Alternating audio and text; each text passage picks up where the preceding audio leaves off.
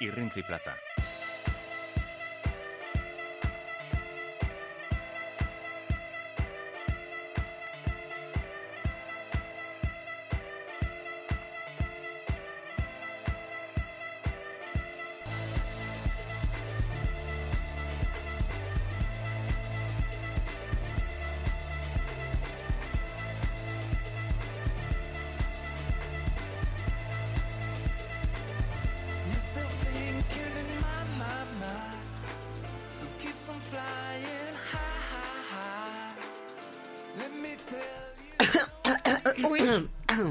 Arratxaldeon. Arratsaldeon. Baita zuri ere. Bai, Josu Ganza. Reyes Elintxeta. zaude? Ba, daukat ez darria hor. Bai, Eta ja neukan atzo, komentatu genuen, Bai. anteratik kanpo, baina gaur ja huts, honekin, huts Bai. laranja honekin eta. somatze duzu, ez da? Bai, kaixo amaia. Haupa, txaldeon, Zuk ez duzu nabaritzen aizez, dagoela zikin eta...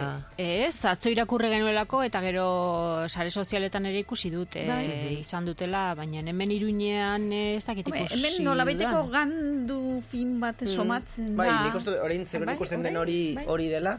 Gero ere gure terraza ere horiska, laranja ikusten dugu pixka gehiago. Bai, begira, begira, begira, begira, Eta- hori ikusten da, bai. Eta autoak ere atzo, e, bueno, menlanean ginela, ekaitza botaz, bueno, euri pila bota zuen, eta gero ja utzi zion euria egiteari, eta etxera iritsi nintzenean garajean, bai ez zeudela tanta horrela, ba, zikinak eh, ondarrarekin bezala, eta bar, Lokatza. baina ikusi dut, auto bat atarrabian, Bai, horrek ez du gaua pasa herrian, seguro, aha. Bazirudien, ezakite, Dakar ralia egitetik zetorrela. Ah, bai. Zenta, vamos, bai, bazirudien, eh, bakizu epaiari kolorea emateko botatzen zaion hauts horretaz beteta zegoela.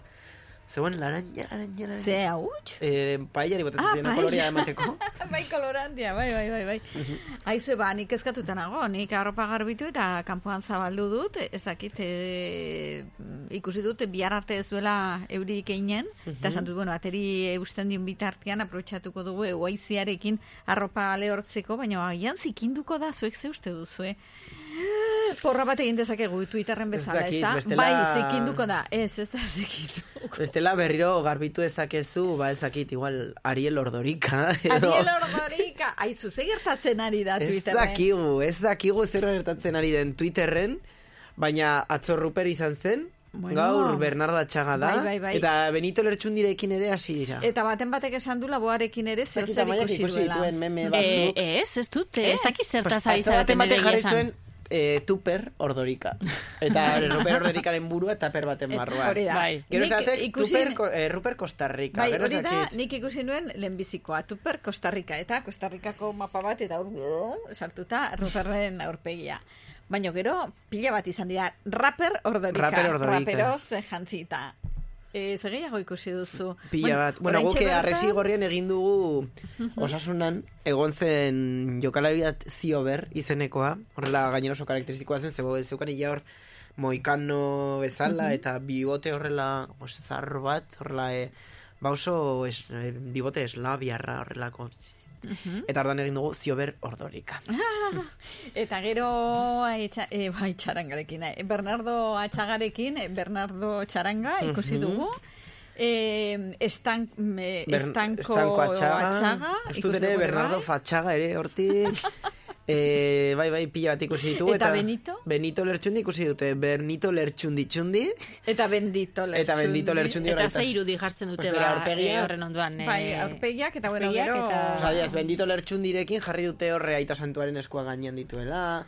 Beste batean e, bendito lertxundi txundi, pues DJ bat horre diskoteka Bai. betea, eta... Eta Bernardo Txaranga, pues jarri dute eh, Broken Brothers Brass bandaren aurrean, bakizu lehenko gunean Arturo Kampion, nola atera zen Bai, bere urte bai. aurrenean, eta bueno, ba, buru handi hori baliatu dute horretarako. E, kendu diote hori Arturo Kampionen bura eta jarri diote Bernardo Txarena. Baina, zuk ere ikusi duzu ja horren aurkako mugimendua. Bai, bueno, aurkakoa, aurkakoa zakite, batek ez zioen nik e, jada barkamena eskatu diot e, ro, Ruper Ordorikari. Eta kartel bat, e, Jesui Ordorika, eta, bueno, pues hola barkamena eskatuz bezala. Baina nik ezakite... Bai, nik uste dut beste meme, beste meme bat, edo atera den, edo nork sortu Iku- duen. Ikusi dut beste txio bat, eta nik ere ez dakit. e, ba, ikusi dut ere Ruper Pamplonika, eta Pamplonika txorizoaren zera, Aha. ba, Ruperren aurpegiarekin. ikusi dut txio bat, aurra ateratzen zen, ba, hautsi da foraren, baina e, hasierako aurkezpenekoa, hor egunkariko ba, mozkin bat, e, Ruper eta Bernardo biak argazkiean, hor gazte-gazte, eta jartzen zion Ruperrek "Eh, gaur zuri tokatzen zaizu, Bernardo, tokatu zer, eta ez dakite mundua pikutara dijoa horako zerbait.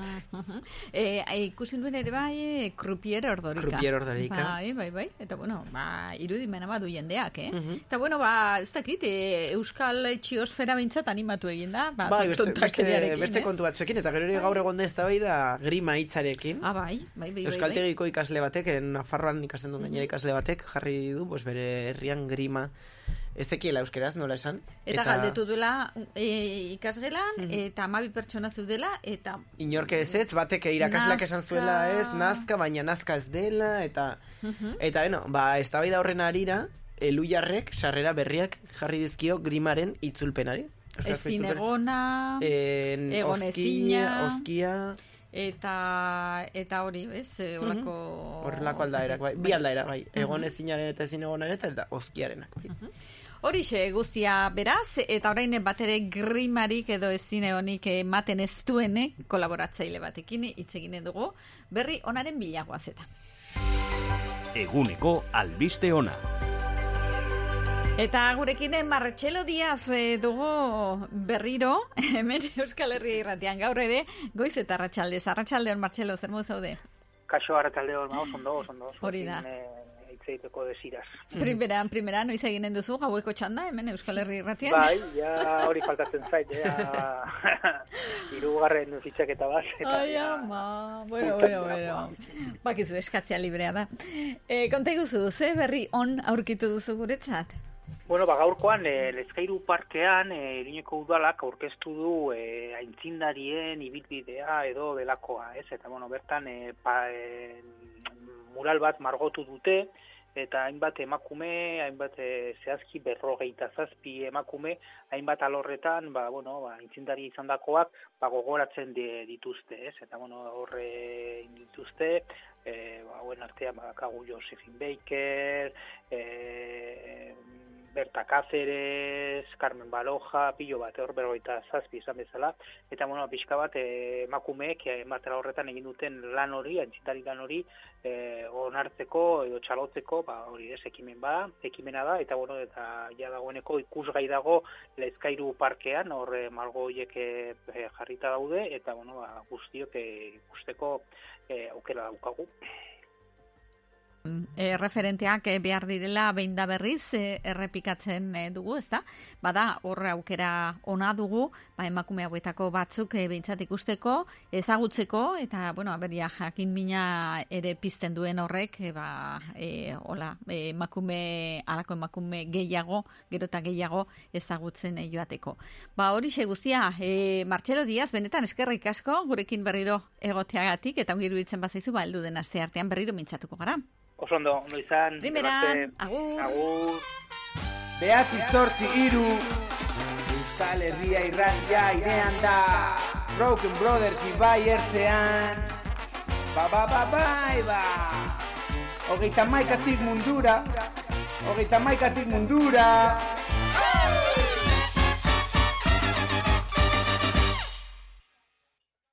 Euskal Herria irratian, irrintzi plaza.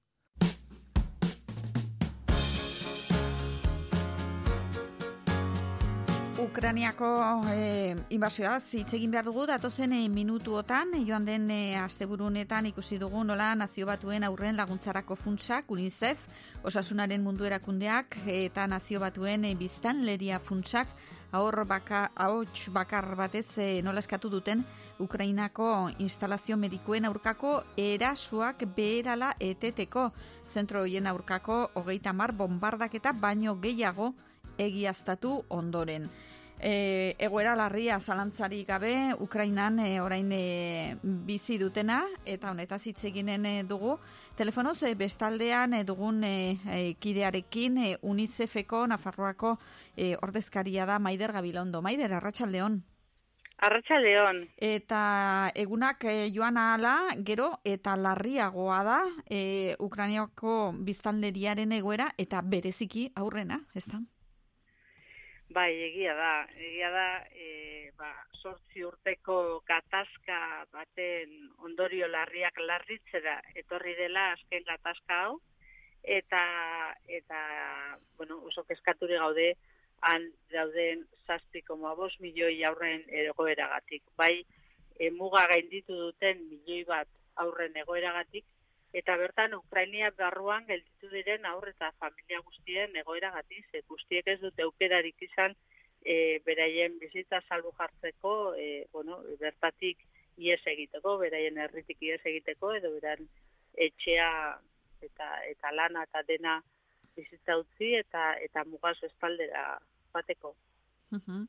Eraso erabatekoa da eta egunero ikusten ari gara, ez da, nola eh, helburu zibilak ari diren erasotzen e, tropa rusiarrak, beraz e, hortikan e, libre ez dira gelditzen, ez da instalazio medikoak ere, e, oso erasolarriak izan dira, e, eta hoietan aur e, batzuk hil dira, beste batzuk zauritu e, gertatu dira, e, elduak ere bai noski alde horretatikan mm, ezinbestekoa da eraso hoiek e, geldiaraztea, ez da?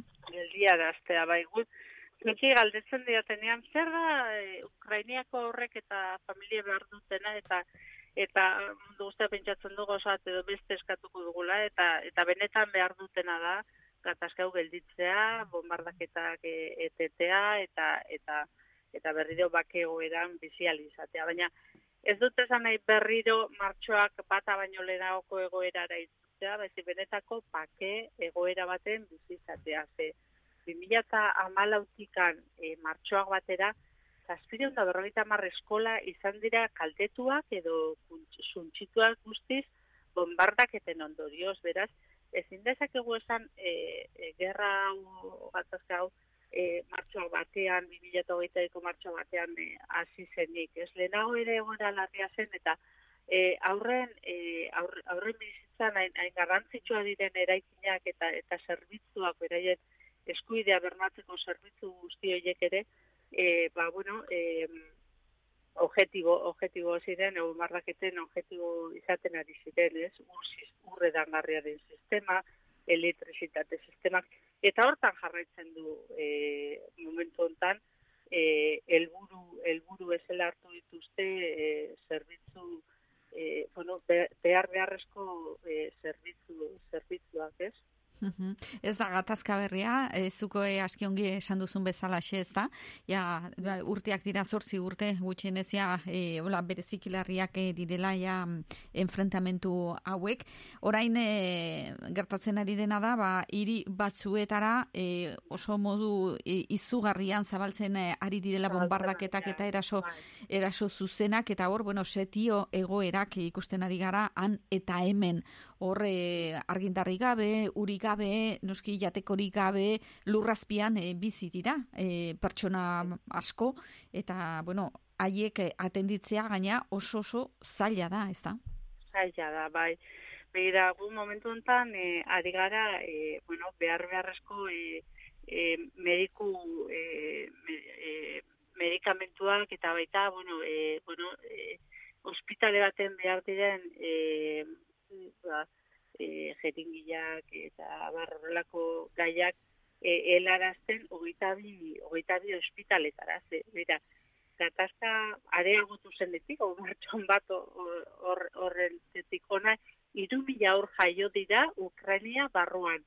Bunkerretan jaio dira eta eta kasu batzuetan e, behar beharrezko e, tresna mediku egokiri gabe ez, eta hemendikan e, bueno, e, hilabete batzutara komentatzen eguten gure lankideek espero direla beste larogei mila erditze lan eta larogei mila aur jaioko, jaioko dira eta hori guzti e, ba, laguntza egokia ama guzti emakume guzti laguntza egokia ematea e, gure, guretzako ba, ba, bueno, lehen, lehen, lehen, lehen mailako helburua da, eh? Beraz, e, hola, e, osasun zentro eta ospitale hoiek ornitzen saiatzen ari zareten hola bait, ze gehiago egiten ari da UNICEF Ukrainean?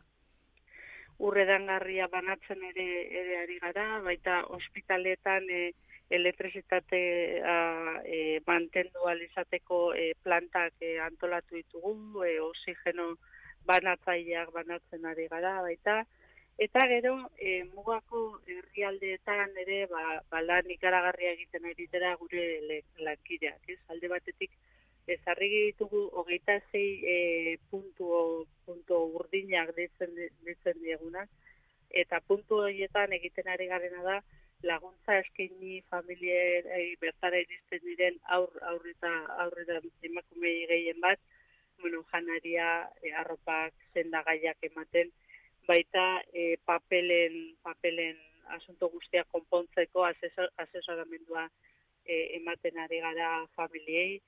Baita lan handia egiten ari gara detektatzeko e, tratako egoera beran bat susmatzen badute edo edo violentzia kasu bat detektatzen badute segituan e, martxan jartzeko protokoloa martxan jartzeko aurro eta emakumeei babestu ahal izateko tregakuntzak egiten ari gara beste ONG batzutako teknikariei onelako kasutan arreta arreta handia jar dezaketen aurreta emakumeek e, babesteko.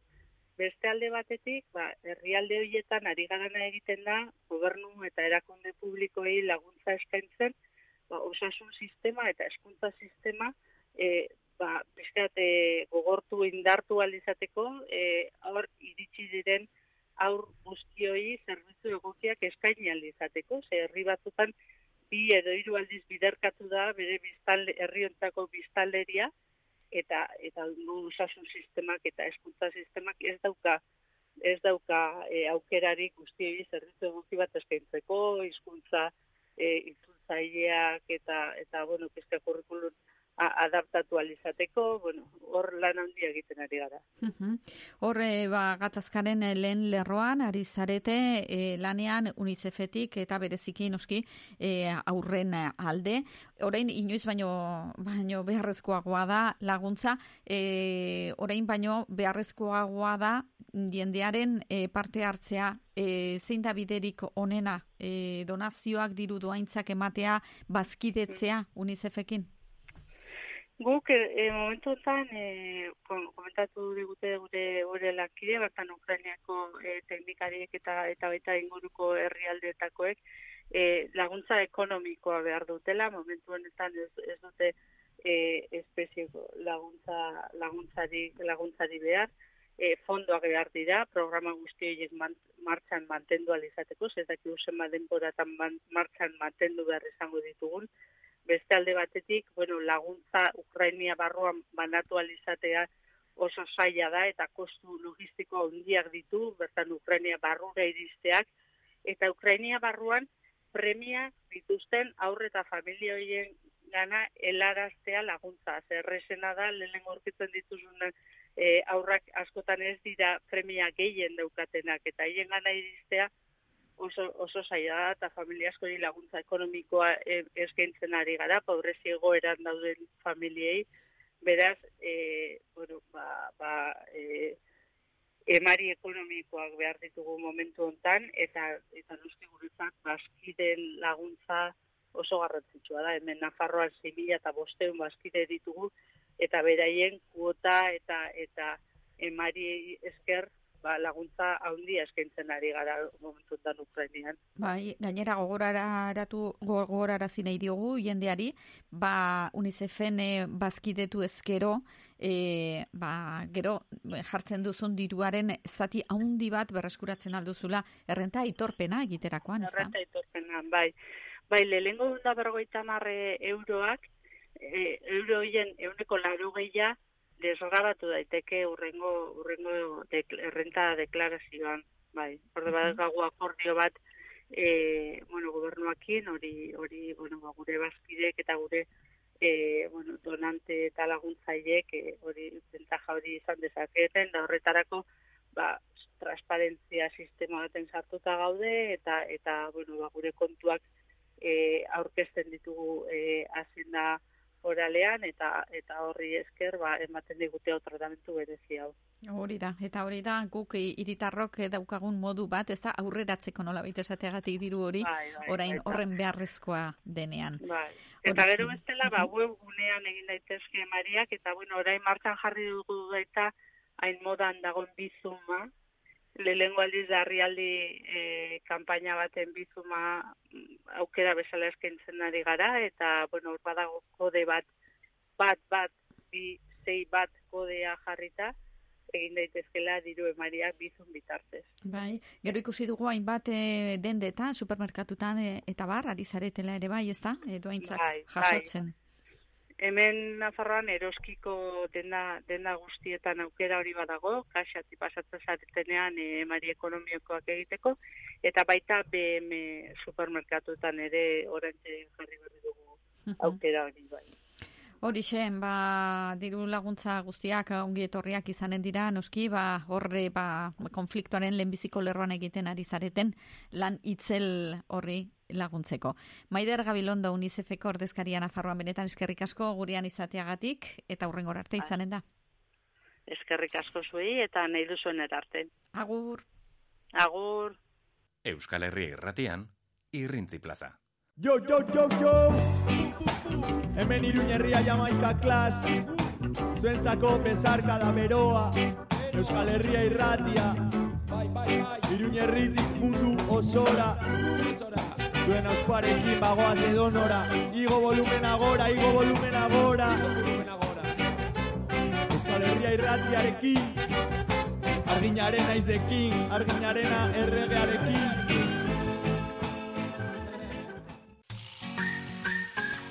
Karrikiriren eskutik liburu goxokiak, literatura gomendioa.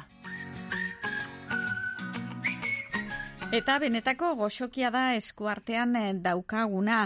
Berrogeita mar urte, amaika historio, mm, Arturo Kampione Euskaltegiak eh, plazaratutako liburua. Bere berrogeita margarren urte urrena dela eta hainbat eh, ekimen ari dire burutzen azken aldi honetan eta hau da hoietako bat. Amaika idazleri eh, eskatu diete ba, ipuin bana, eh, relato bana eh, egiteko eta amaika ilustratzaileri eskatu diete hain zuzen ere ba, mm, marrazkiak eh, egitea ipuin hoien eh, inguruan. Eta horrela osatu dute leku egunean aurkeztu zuten hemen eh, laban aurkeztu zuten liburu hau. Hemen eh, eskaintzen eh, diete ba, kampionekin, Arturo Kampion Euskaltegiarekin nola edo alako harremana duten pertsona guztiei. Berrogeita mar urteotan etxe honetatik pasazareten irakasle eta ikasle guztionzat zuek zarete kanpion.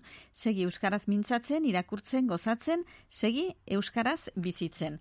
Eta hor ba amaika ipuin hoien gilen artean Elisabete Garmendia, e, kazetaria, Peio Ardaiz Gale, Alberto Ladron Arana, e, Patxi Uarte Larraburu, ilustratzaile gisa, e, ilustratzaile gisa ere bai Cesar Oroz, Leire Urbeltz, edo ta Belatz, Oierzuniga, edo e, beste batzuk, esprai esate baterako, edo iri aritz irigoien gartxitorena.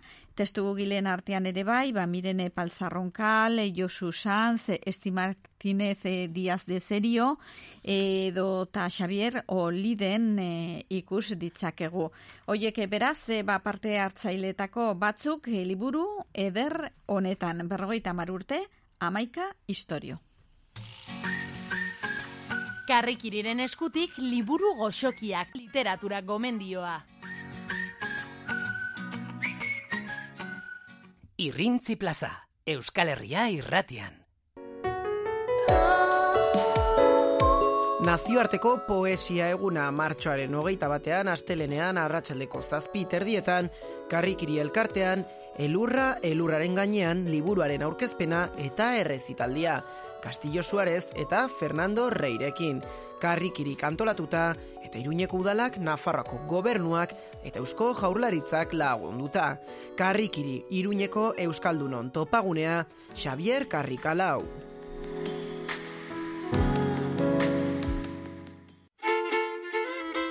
Óptica Joaquín Alforja. Kirolean aritzeko betaurreko beresiak, txirindularitzan, mendian, eskian edo ur kiroletan. Behar izan ezkero, graduatuak eskatu eta kirolaz disfrutatu erosotasun osoz. Optika Joaquin Alforja, Iruñeko udal plaza bat. Begiz begiko zerbitzua. Jitu, zatoz zure gustuko opariaren bila. Jitu opari denda Merkader Eskalea Iruña. Martxoa koltsoiaren hilabetea. Aprobetxatu koltsoneria gorritxoren eskaintza. Produkturik aurreratuenak eta markarik onenak. Ongi atxeden hartu energiaz beteri jeki eta bizitzaz gozatu. Koltsoneria gorritxo tafalla hogeita zeibiz, tuterako Benjamin zortzi eta urdazubi monasterioa berrogeita bat. Koltsoneria gorritxo. Bizi atxedena. Colchonería gorrito, vive el descanso. Thank you.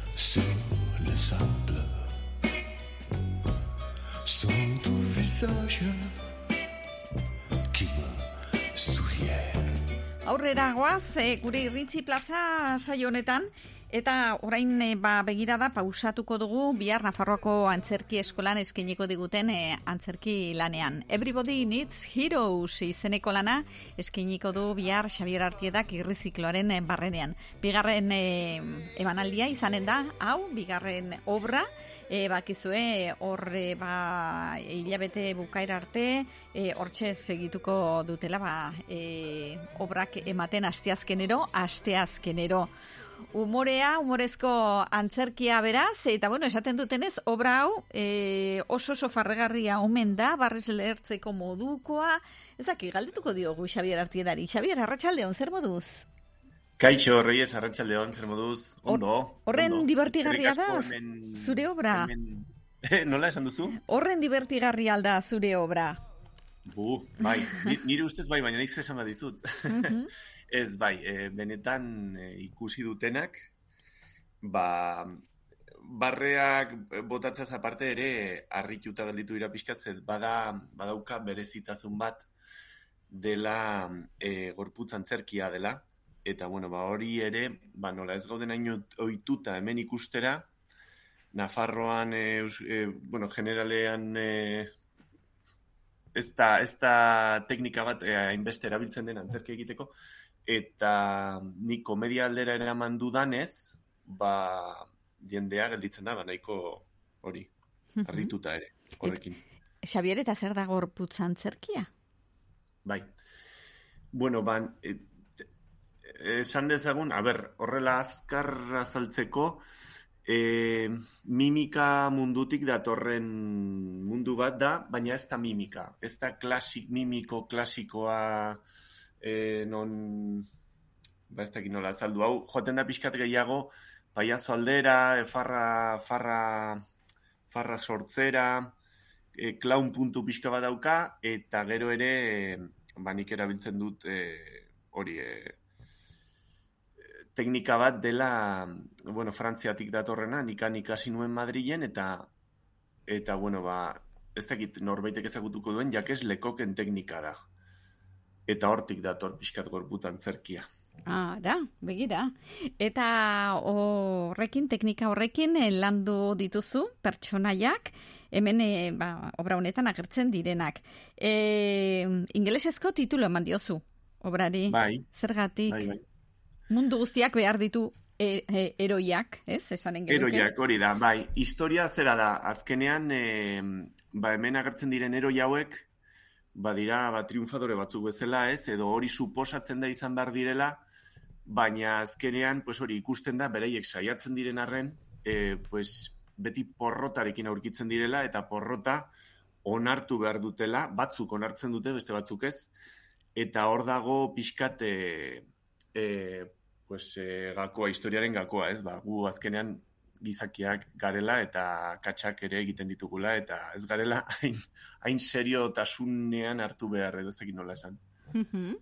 Eta hemen agertzen direnak, zer dira, eroiak edo supereroiak? Ba, begira, eroiak, ba, bueno, astronauta bat, mediku bat, e, zaldun bat, eta gero musikari bat e, famatua egiten dena. Aha. Hoi, hori da. Eta eh, haiek zer egiten dute kontatzen dituzte hain historiak eta eta hor. Bai, hauek, hauek agertzen dira estenatokian, eta, bueno, ba, bai, badatoz, ba, bere, bere abile, abileziak erakustera, eta bere, bere bizitza nola den erakustera, nik hau isladatzeko, ba, erabiltzen dut, ba, hori gorputzan zerkia, ez, ba, bat batean, ambulantzia batean gaude, gaixo batekin, gaixoa, er- hori, ni, ni desdoblatu bezala egiten naiz, gaixoa egiten dut, e, ambulantzian doana, medikua, eta gero bat batean doktorea naiz, eta ospitalean gaude, eta nola e, saietzen den doktorea e, ba, zaurituta dagoena berpizten, eta hori dena, ba, estenatokian ikusten da. Xabier, zubaitzarela eroia. Paper guztiak egiten dituzu, obra honetan, ez? Zu bakarrik Bai, zaude dut dela, gainean. Claro, hitzekin azaltzeko zaila da. Gauz, da gauza bat ikusi behar dena. Baina ikusten dutenak gelditzen dira harrituta ze esaten dute, jo, bat dena ikusi dut, eta zu bakarrik zaude. Ba, bai, ze hor dago teknika. Bai, bai, bai, bueno, teknika eta eta ongi menperatzea obra eta paper guztiak eta azkartasuna ba batetik bestera pasatzeko. Ez dakit, ez nola ezaren erotzen, ez? Obra honetan. Ah, erotu nintzen ja orain dela asko. Ja, ah, zu ja, erotuta etorri zara etxetik, ez? Ba, ja, erotuta etorri nintzen etxetik orduan, ja, hori ja, ongi eramaten dut. Primeran. Bueno, Xabier, zu hemengoa zara, gainera, bueno, sakandarra, ez? Bai, etxarria ganatzeko naiz, Mhm. bai, bai, bai, Nafarroko antzerki eskolan ikasi zenuen, hori da. eta gero ja, Madrilera egin zenuen saltoan segitzeko zure formakuntzarekin. Hori da, bai, han egin nintzen eh, espeziali- espezializatu nintzen ja teknika batean, antzerki teknika batean. Hau esan dudan aiak ez lekok, norbaitek begiratu nahi badu, hor dago, izena. Aha. Eta horrekin, eh, pues, espezializatu, bi urte egin nituen, eta ja, pues, abenturak, hortik hasita ja, abenturak. Mhm, Gero ja e, ona etorri zinen, eta bueno, hemen e, ba, e, gelditu gabe, ari zara, lanean, han, hemen, e, duela gutxi Bai. esate baterako ikusi zaitugu Euskara Bideak e, atera dituen e, aurrentzako e, bideo batzuetan, hor ere, aritzen zara, ez da? Kontu kontari? Bai, bai, ez, eh, nola da, matxin eta katxalinen Mhm. historioan, ez? Bai, Bai. bai, bai, bai, bai. Bai, bai, horrekin ere ibili gara, eta, bueno, hainbat eta hainbat e, proie, antzerki proiektutan ere banabil, beste produktora batzuekin, eta gero aparte, pues, nik sortzen ditudan proiektuekin, ez? Eta hauetako bat da, Heroes. Aha. Osongi, zuk zeuk idatzitako lana da, zuk sortua.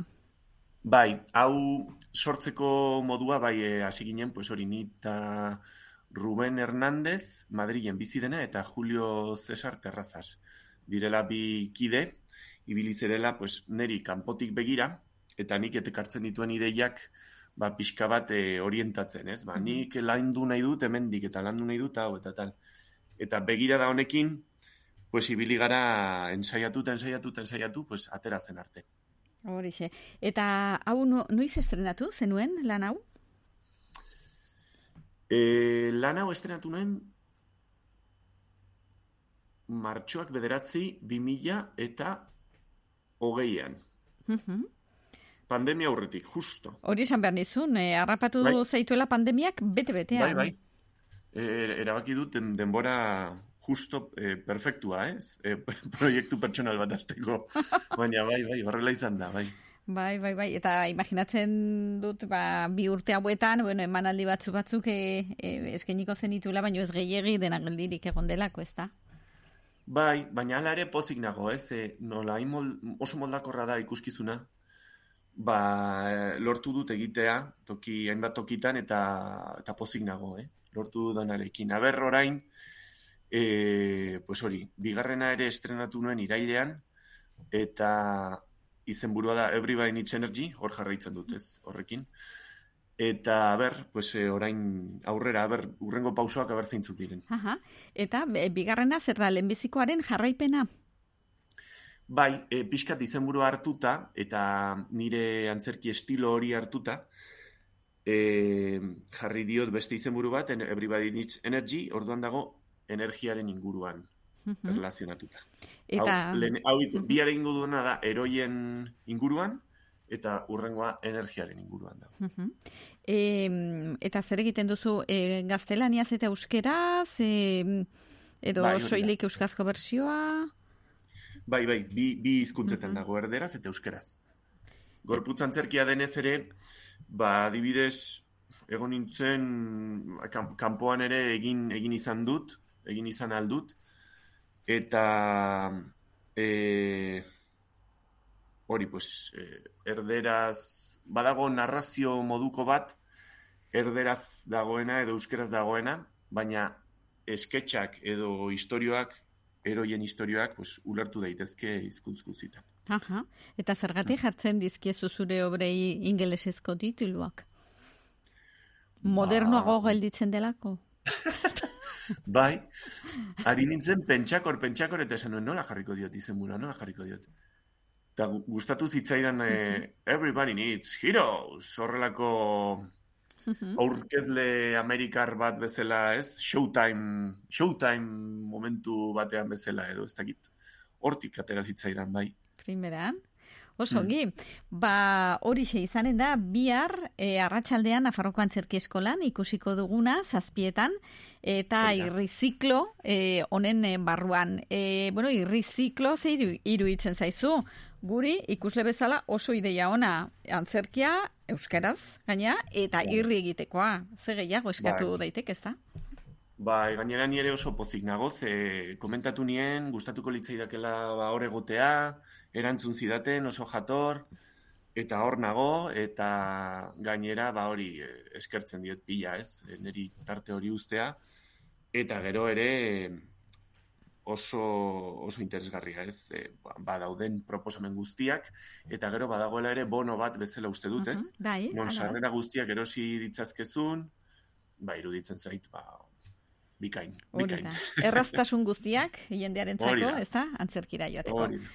Horixe, ba, Xabier Artieda, benetan eskerrik asko gurean izateagatik hemen irrintzi plazan. Eta, eta ber, ja, Bai. e, doan e, biharko emanaldi hori, kakamordo pila, opa dizugu. Ez? Hori da, eta, hori da. eta batez ere ongi pasatzeko estenatoki gainean. Xabier Bai. Artieda, eskerrik asko, placer bat. Venga, besarka handi bat. Bai, Eskerrik asko arte, agur. Agur, agur, agur.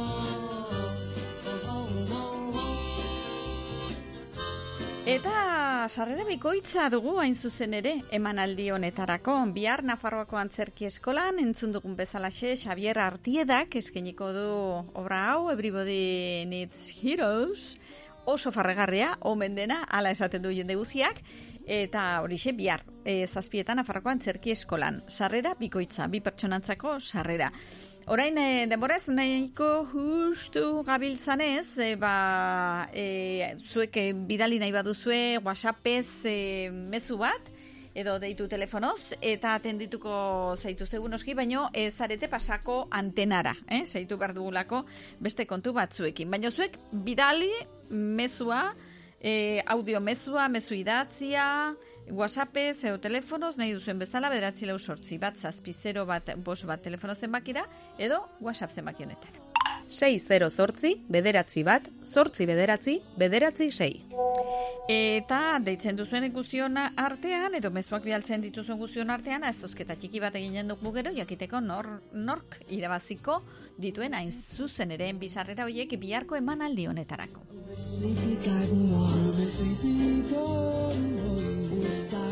再春一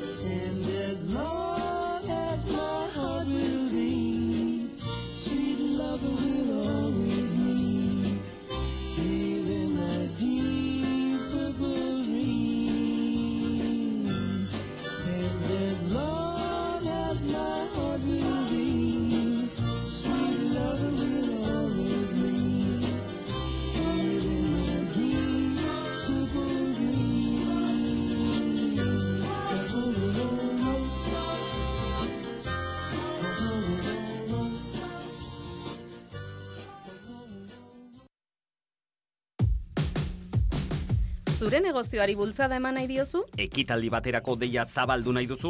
Jarri iragarkia zurean, gurean, Euskal Herria irratian. Idatzi, publi, abildua, euskalherriairratia.eus elbidera. Edo deitu bederatzi lau zortzi bat zazpi 0 bat bost bat telefono zenbakira. Publizitatea bertatik bertara. Edabideen plaza, tokian tokiko plaza. Txipitxapa, txipitxapa, hemendikan abiatu eta Bilboraino iritsiko gara, han e, Bilbo iria irratian jotakelanean, ane zabala, ratxaldeon, ane zemu zaude. Arratsaldeon, ondo, ondo gabiz. Eta zer, somatu alduzu ezuek hor Bilbo aldean Afrikatik eh, etorritako hauts hori, edo? Bai, bai, bai, bai, gorri, gorri. E, ez natu da, eta oraindik ere, egia esan esango nuke, ez dela zerua garbi, garbi ikusten. Bai, gaur ere bolo-bolo aritu gara horren inguruan berba egiten. Hori da, hori da, kotxeak zikin, e, ba, kanpoan zabaldutako arropa garbitu berria ere hori ere zikin, eta bueno. Da, kalean, somatu da asko, e, paloietan, bai, bai, bai. Bai, alaxe gabiltza. Hoixe da kontua, hoixe. Eta, bueno, ba, hainbat kontu prestatu dituzuan, eh? E, gurekin partekatzeko. Esate baterako, ba, hezkuntza lege berriaren e, aurkako greba deitu dute, ezta? Bai, egia zen, Eusko Jaurlaritza hezkuntza legi berria egiten ari da, eta ia zen, esango nuke inor ez dagoela konforme. Kasu honetan, e, hezkuntza sistemako langile guztiek deitzen, deituko dute greba, baina gurasoak ere ez daude konforme, eta abar, eta abar, ez da, ikamika asko egoten ari da hezkuntza lege berri honekin, ez? Eta gaur goizean bertan, elak, labek, esteilazek, eta komisiones obrerazek, ba, e, salatu dute langileen iritzia ez dutela kontuan hartu akordio oinarriak finkatzerako orduan, ez dituztela e, kontutan izan, eta orduan greba orokorra deitu dute, e, eskuntza guztian, hau da, publikoan, konzertatuan, e, ikastoletan, aur, aur, e, aur eskola partzuergoan ere, eta martxoaren hogeta bosterako e, deitu dute greba, hala ere Eusko Legebiltzarra aurrean martxoaren amazortzian hau ostiralean e, elkarteratzea egingo dute. Eta gaur agertu dira sindikatu guztiak, e, e, eta historikoa izango da, e, lau sindikatuak, e, desberdintasunak alde batera utzi dituzte eta elkarrekin e, ba, irakurketa berdina herri- e, egin dutela, ez, lege berri horren e, inguruan, ez. E, egin duten e, zirriborro proposamen horret, e, horretan, ba, ezaten dute, ez dela e, egun dagoen hezkuntza hizkuntza barkatu sistema gainditzen eta aldarrikapen ezberdinak e, ba, irakurri dituzte gaur, ez? E, kaleratu bueno, emandako prentzaurrekoan, ez? Publikoa ardatz izango duen hezkuntza lege bat izan behar duela eta printzipioz zirriborroak ez duela hori hartzen, hezkuntza lege propioa izan behar duela, e, Euskal Autonomia Erkiderako e, izan behar duela, e, lurralde guztiarentzako, inbertsio eta baliabia nahikorik ez duela hartzen, segregazioa di aurre egiteko ba, ez duela baliabiderik jartzen, ez? E, eta ez duela gizarte kohesia bermatuko lege berriak, eta bestetik, ba, ereduen kontua daukagu ere, ez? ez? A, B eta e, D ereduen kontua, ez? Eta badela sasoia ere, eskuntza lege honetan, ba, hori gainditzeko eta euskara e, bizikidetza balio eta ardigunean jartzeko, ez? E, horre, hori eskatzen diote, e, bueno, e, lege honi, ez? Eta azkenik salatu dute e, eskuntza lege parte hartzaileagoa izan beharko lukela, ez? Eta langileak ere e, aintzat hartu beharko dituztela ba, lege hori egiteko. Beraz, ba, greba orokorra, publikoa euskalduna eta propioa.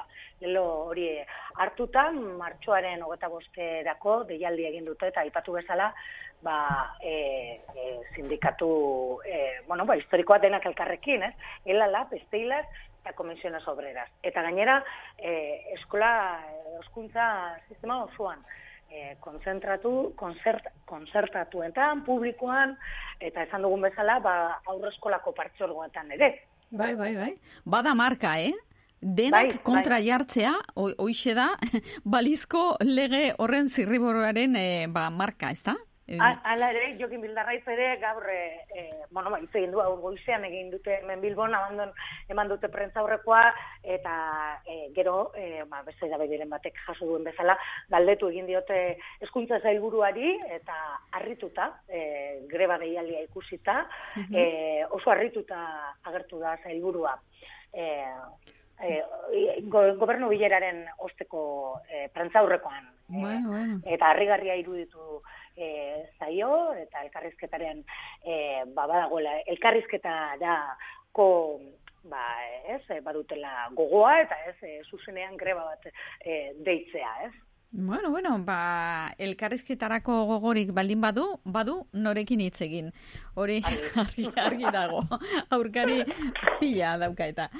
Eta kontu gehiago, kontu alaiagoak edo aipatuko ditugu, loraldia, jaialdia, mm, berriz eh, martxan eh, konta iguzu, zer da loraldia, zer da loratzen dena, orain Mhm. eh, udaberri moduko honetan, eh, noiztik, noiz arte, ze taldeak, ze ekimenak izanen dira. Ba, egia esan loraldia, ba, udaberri atarian e, dugun jaialdi zoragarria da Bilbon.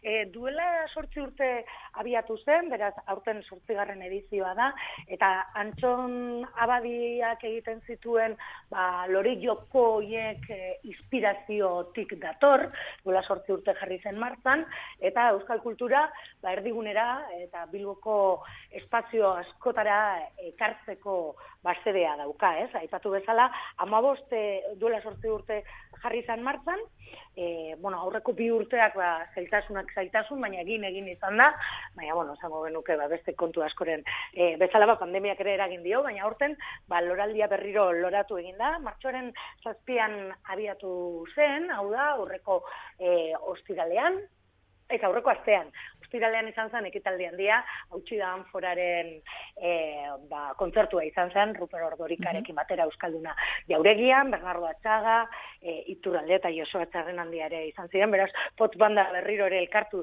egin zen, unkigarria izan zen kontzertura, berrogei urte eta bete dira, e, hautsi da fora, e, Ruperren lehenengo disko hori argitaratu zenek, te, zenetik, eta korrika kulturalarekin batera ekoiztutako ba, ikuskizuna izan da, eta hainbat kontu izan dira, eta oraindik ere aste oso bat geratzen zaio e, loraldi ekimenari, eta esaterako gaur bertan e, antzerki estrenaldia bat dauka, mira adi eulalia abaitua e, ikuskizuna, eulalia abaitua ba, argazkilari, bil- bilbotar argazkilaria dugu, esaten dute ba, lehenengo emakumezko ar- argazkilaria izan zen, Bilbon sortua, Inglaterrara joan, eta han bertan ikasi zuen argazki gintza, eta gero gurera etorri, eta, bueno, ba, emeretzi garren mendearen bigarren erdialdean, bakalmararekin, batez ere emakumeak argita, argazkiak atera zizkien, eta horregaitik daukagu, ba, eh, Bilboko Euskal Herria Museoan izugarrizko ondarea, ez? Orduko emakumeak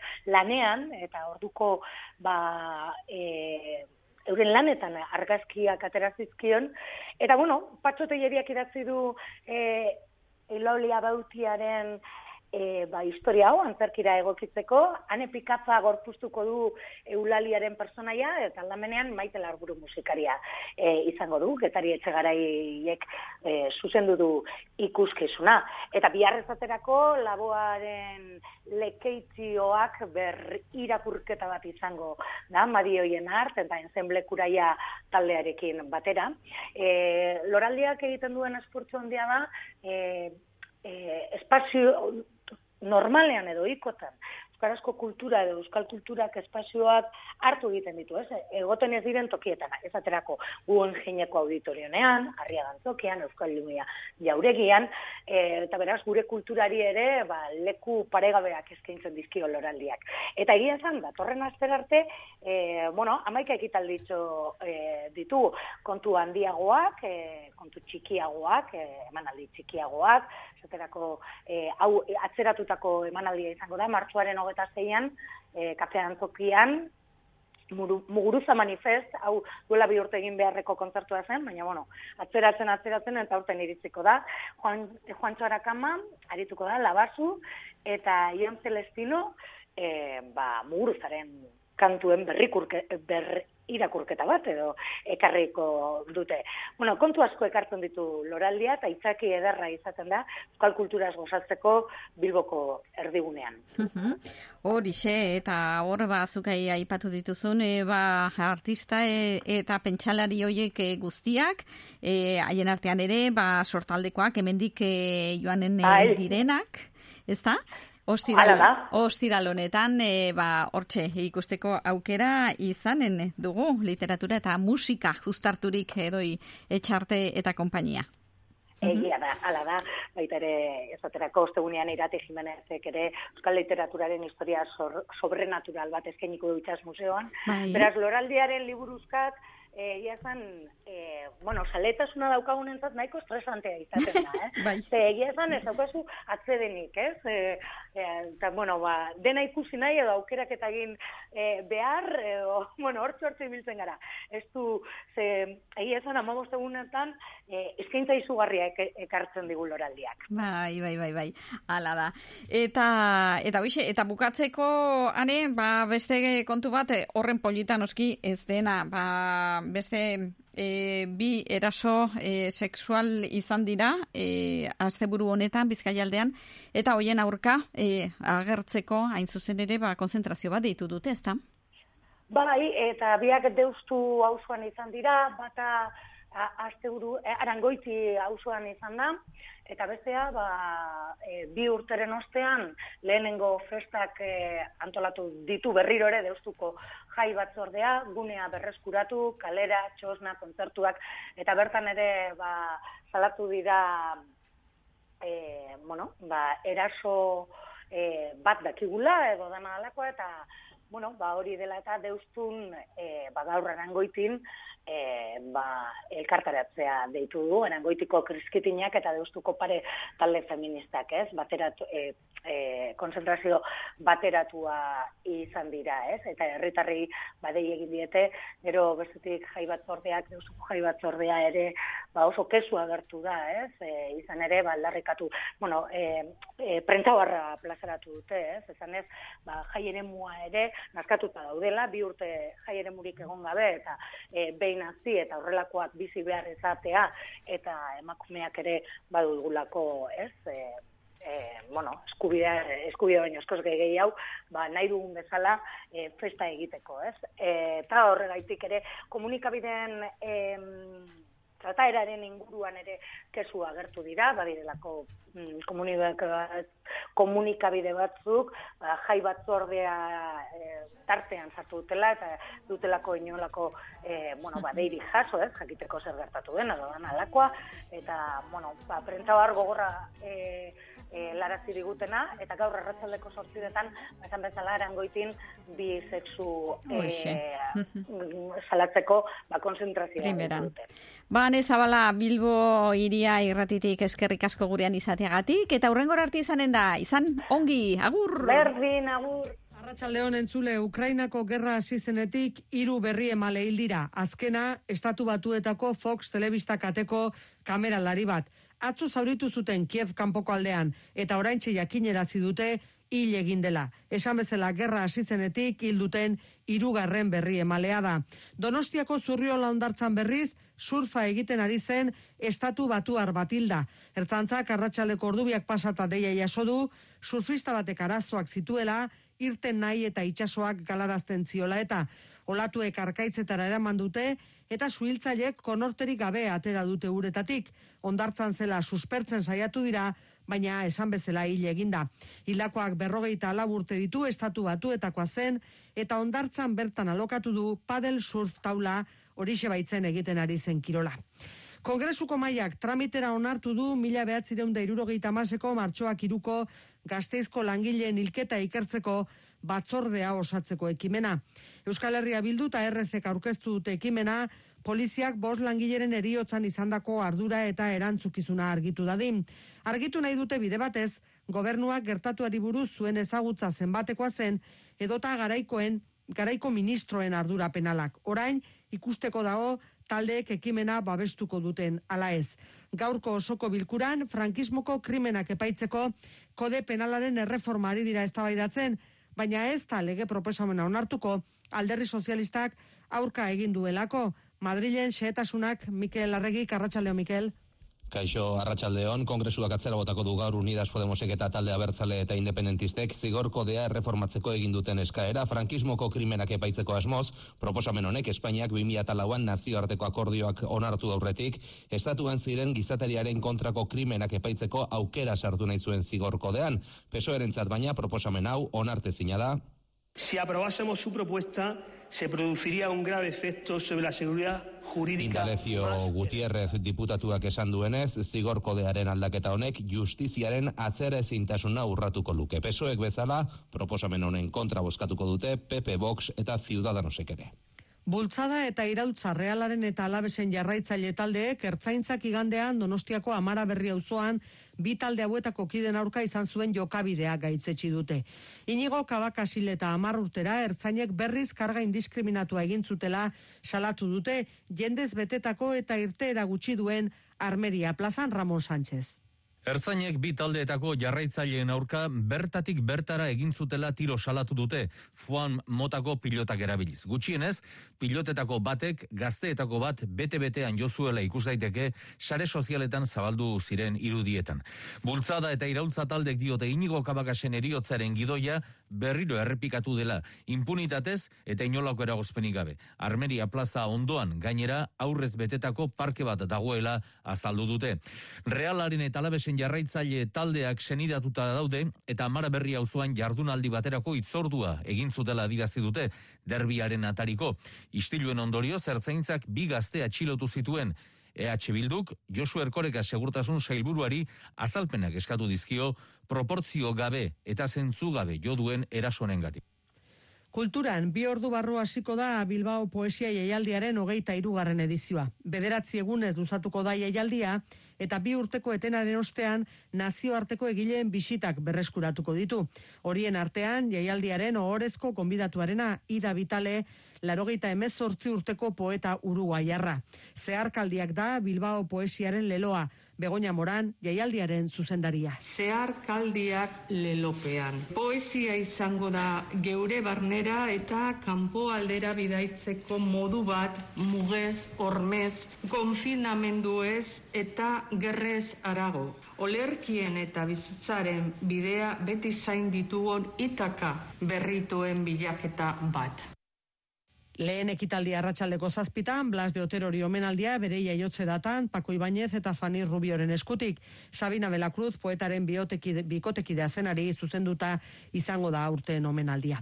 Eguraldiari dagokionez, oraindik ere haize zakarrarekin eta temperatura epelekin jarraitzen dugu, eta bi arratsaldera arte horrela moduan jarraituko du, oraindik ere Saharako haizea gurera ekarri dituen basamortuko hauts partikulak iristen jarraituko dutela. Errepidetan ohar bakarra, Bizkaia 6 bost, 6 bi bost errepidean basaurin bilborako norabidean, garabiluma duen kamioi batek seinalea jo du errepidekoa, zatiak erori dira, jarbitzen, garbitzen ari dira, baina arretaz gidatzea eskatzen ezaigu. Besterik ez oraingoz, seietan albiste gehiago eta tartean informazio eskura eitb.eus webatarian. Gero arte. EITB Zure komunikazio taldea Euskal Herria irratia puntu eus. Iruñerria entzun, ikusi, gozatu.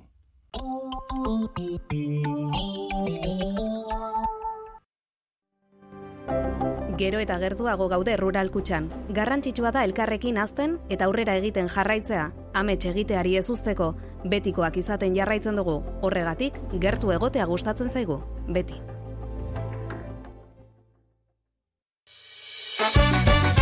Biatz, rokodromoa, maila guztietako erronkekin ornituriko bulder instalazio zabalak, kirol eskaladan aritzeko lekua, zailtasun ezberdineko bide eta makurdura aldakorrekin. Adin eta maila guztietako ikastaroak, astapenekoa sei urtetik gorako aurrentzakoak eta helduentzako entrenamenduak taldeka. Informazio guztia, biatz.com webunean eta sare sozialetan. Biatz rokodromoa, landabengo industrialdean gaude. Zure enpresa digitalki eraldatu behar baduzu telelanera edo lau puntu zero industriara egokitzeko Javiserren lagundu zaitzakegu. Zure sistema informatikoa mantentzen dugu. Neurrira egindako aplikazioak eta web orriak garatzen ditugu. Lantaldeak prestatzen ditugu ikate tresnak eta aplikazioak erabiltzeko. Javiser, bederatzi lau zortzi, zortzi bost zero, bat lau bost. Zehaztu dezagun nola lagundu zaitzakegun.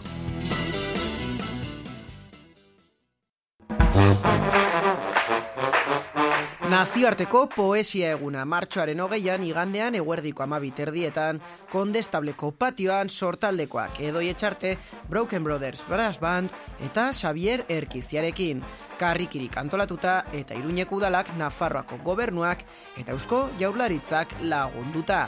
Karrikiri, iruñeko euskaldunon topagunea, Xavier Karrikalau.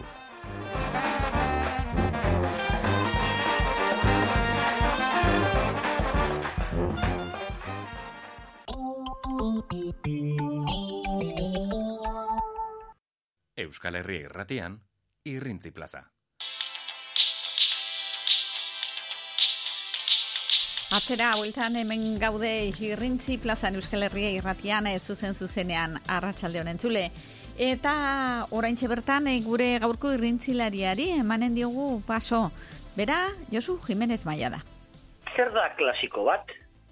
Irene Vallejoren infinitua hi batean liburuan, bada Fernando Rey Kartozki euskaratutako aipu bat, non Mark Twainek definizio ironiko bat proposatzen zuen.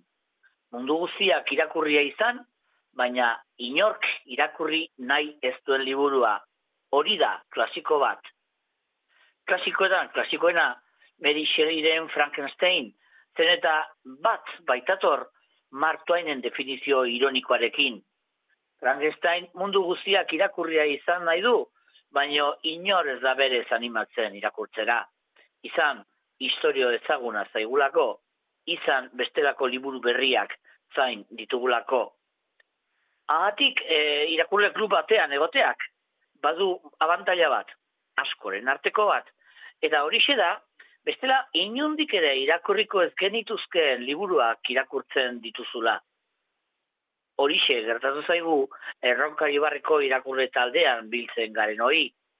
Martxoaren azken egunean dugu itzordua erronkarin, hilaren hogeita amaikan, eta badakit hiru aste ditu dala, emeretzigarren mendeko eleberri klasiko bat gozatzeko, dastatzeko, eta nik neukere estrainekoz irakurtzeko.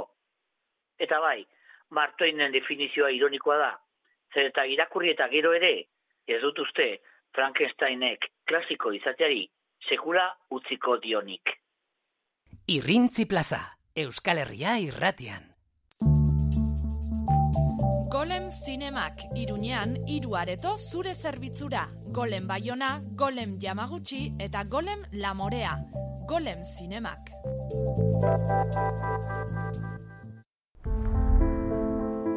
الان برای چی اومدید زندان ولی خب شریکم پولم برداشت برای همین نتونستم قسطی وام پرداخت بکنم Arratxaldeon entzuleok hemen jarraitzen dugu irrintzi plazan eta aste artero bezala zinema gomendioari helduko diogu Gontza Lagote eta Golen zinemen eskuteik. Gontza Lagote, Arratxaldeon. Arratxaldeon, eh, Josu. Bai, zer moduz, eh, zer moduz eh, hasi astea? Ongi, ongi, momentuz, ongi. Zingara kexatu. Bai, gu ez da ez gara, ez gara kexatuko. Beno, e, ahiro, un héroe filma ekarri diguzu gaurkoan, aurreko gunean, e, bueno, sinopsi irakurri genuen ez, eta bueno, nahiko e, drama eta thriller eta puntu hori baduen filme bada. E, bai, bai, bai, ez dakit, e, bai, drama bada, drama bada, e, thriller ukitua badu, ze, bueno, suspensea, bueno, suspensea, bai, suspensea mantentzen du, e, eta, bueno, ez dakizu oso ongi, e, nundikan joko duen historioa, eta gero nik ere esanen nuke, e, bueno, zin- zinema soziala ere badela neurri batean, ez, ez, e, propio e, egoera jakin bat e, salatu nahi duen film hoietako bat delako, baina bai, e, bueno, kontatzen duen e, egoera horren bitartez, pues, e, egoera sozial bat ezagutzeko aukera izanen dugu, ez? E, alde horretatik nik izanen nuke errealismotik edo neorealismotik e, nahiko gertu edo zu gertu dagoen e, filma dela. Bai, e, bueno, zer, zer kontatzen digu? Bueno, alrebesa da, pixka bat, e, historioa, eh? baina labur bilduz, e, esanen dugu, bueno, protagonista, eh, kartzelan, kartzelan dagoen e, pertsona bat da, e, bueno, zor bat, e, zorbaintzeagatik, edo zor bati aurre, edo berden moduan aurre zeiteagatik, eta, bueno, o, e, itxuraz pertsona onbera da, eta, bueno, zoritxarra izan du, eta egoera hortan dago, eta alako batean, bueno, pues, berarekin e, dabilen eh, pertsona, bere bekotik idea dena, bueno, eskutuan duten eh, harremana, pues, eh, alako diru poltsa bat aurkituko du, eta, bueno, pues, horren bitartez, horrari aurre egin, eta, eta kartzelatik ateratzeko aukera ikusiko dute, baina alako batean erabakitzen du, protagonistak erabakitzen du esetz, eta, eta bueno, saiatuko dela pues, galdu duenaren e, arrastoraren atzetik egiten eta e, pertsona hori bilatzen, ez? Eta pixka bat batzuen begietara horren bitartez e, eroi bat e, bihurtuko da eta bueno, hortikan aurrera ikusiko dugu zer gertatuko da, ez? Zer den eroi izatea, zergatik e, batzuk eroi diren, e, beste batzuk ez, eta gero, bueno, pues, pertsona hoiekin alako batean e, famatzen diren pertsona hoiekin pues batzuek eta besteek nola jokatzen duten, ez? Bai agintariek, bai ingurukoek, bai edabideek ere, eta bueno, pues, eh, filmak eh, hori guztia erakutsiko digu, bada film bat, eh, bueno, eh, ikuspuntu desberdinak eh, erakutsiko dizkiguna, edo nola bait ikuslea batetik bestera mugituko duena, eta gure historia ikusteko gure moldea ere horren arabera aldatuko da, ez? Eta hori oso oso ariketa interesgarria da, ez? Halako batean, e, bueno, ikusten duzu modu batera gertatzen ari dena, baina baina urrengo urrengoan ikusiko duzu beste e, beste pertsonai baten e, ikuspuntutik ere ikusten aldela kontua eta eta bueno, hortan aterako dituzun ondorioak e, bestelakoak izan direla. bai. Eta amaitzeko esat irakurri ditugun kritiketan eta aipatzen dutez, akaso Asgar Faradi zuzendariaren, ba, bueno, ez dugu aipatu e, filme iraniarra dela, irango filme bat dela, eta, e, bueno, egilaren zuzendariaren, ba, agian e, obra borobilenetako bat izan daitekela. E, bai, bueno, Farhadik ematen duen maila beti oso altua da. Mm gaur egun iranek duen, bintzaten edo, gurera, eh, aiegatzen den, ar, den horren artean, e, e, iranek duen zuzendaririk ezagunena da, e, nazioarte mailan, e, bueno, film ikainak e, eginak ditu, eta eta eta beti ere nahiko maila altu ematen du. Nik nik ez nuke zanen behintzat nire ustez ez da agian e, filmik bere filmik borobilena baina bai dudarik ez e, Farhadiren zinemak duen e, osagai iaia guztiak dituen e, film bat da, ez? dute, mm -hmm. bueno, lehen aipatu dudan e, begirada edo begiratzeko modu anitz hori, e, bueno, askotarikoa, ez? No, nolatan e, batetik beste mugituko garen, eta zuk aipatu duzun ezagugarrietako bat ere, bada, ez? Berez drama giroan edo, bueno, eguneroko historio baten gainean, ez nolako gaitasuna duen, e, thriller edo suspense kutsua emateko historioari, ez? Hori oso ongi egiten du zuzendari zuzendari honek eta filmontan ere ikusten dugu, ez? Orduan e, berez hor kontatzen dena nahiko eguneroko kontua da, edo hori gertatzen alzaiona, baina, bueno, e, Farhadi badaki e, historioari, pues, pixka bat, e, suspense e, ukitu hori ematen, eta horrek asko zere interesgarriago egiten du kontatzen ari den hori. bai, ba, zalantzari gabe, e, kronika lehen irakurrita edo, bueno, sinop, barkatu sinopsia irakurrita, kritikak irakurrita, eta zure gomendioa entzunda gontzal, lorendik e, gogo gehiago ditugu hemen batzuk e, filme, filma hau ikusteko, e, mila, mila esker eta aurrengo aster arte. Mila esker zuei eta aurrengo aster arte. Agur. Bai, aio. Eta jarraian, sarrerak zozketatu, zozkatuko ditugu, badakizue gaur ez dago lehiaketarik, soilik, e, deitu bederatzi lau sortzi bat zazpi, 0 bat bost bat telefonora, ba, esan ez, e, sarrerak nahi dituzuela, eta, beno, ba, gian galdetuko dizuegu ze film ikusi nahi duzuen, baina, besterik gabe, edo bidali WhatsApp bat zenbaki honetara. 6-0 zortzi, bederatzi bat, zortzi bederatzi, bederatzi sei. Jarraian Reyes Lintxeta lankidea etorriko da ona gurera eta zozketari ekingo diegu, adakizue. Golem zinemetara joateko sarrera bi e, apirilaren amaiera arte, edozein egunetan, edo edozein ordutan, golen moreak, golen baiona, edo golen jamagutxira joateko bi sarrera zozkatuko ditugu jarraian, eta hori, lehiaketari gabe, soilik eh, aipatu, ze film, eh, fi- film ikusi nahi duzuen, eta sarrerak zuenak izango dira zozketa egin ostean, hemen esku artean ditut sarrera hoiek, eta baina Reyes Lintxeta lankidea etortzen den ona gurekin, eta zozketari ekingo diogu.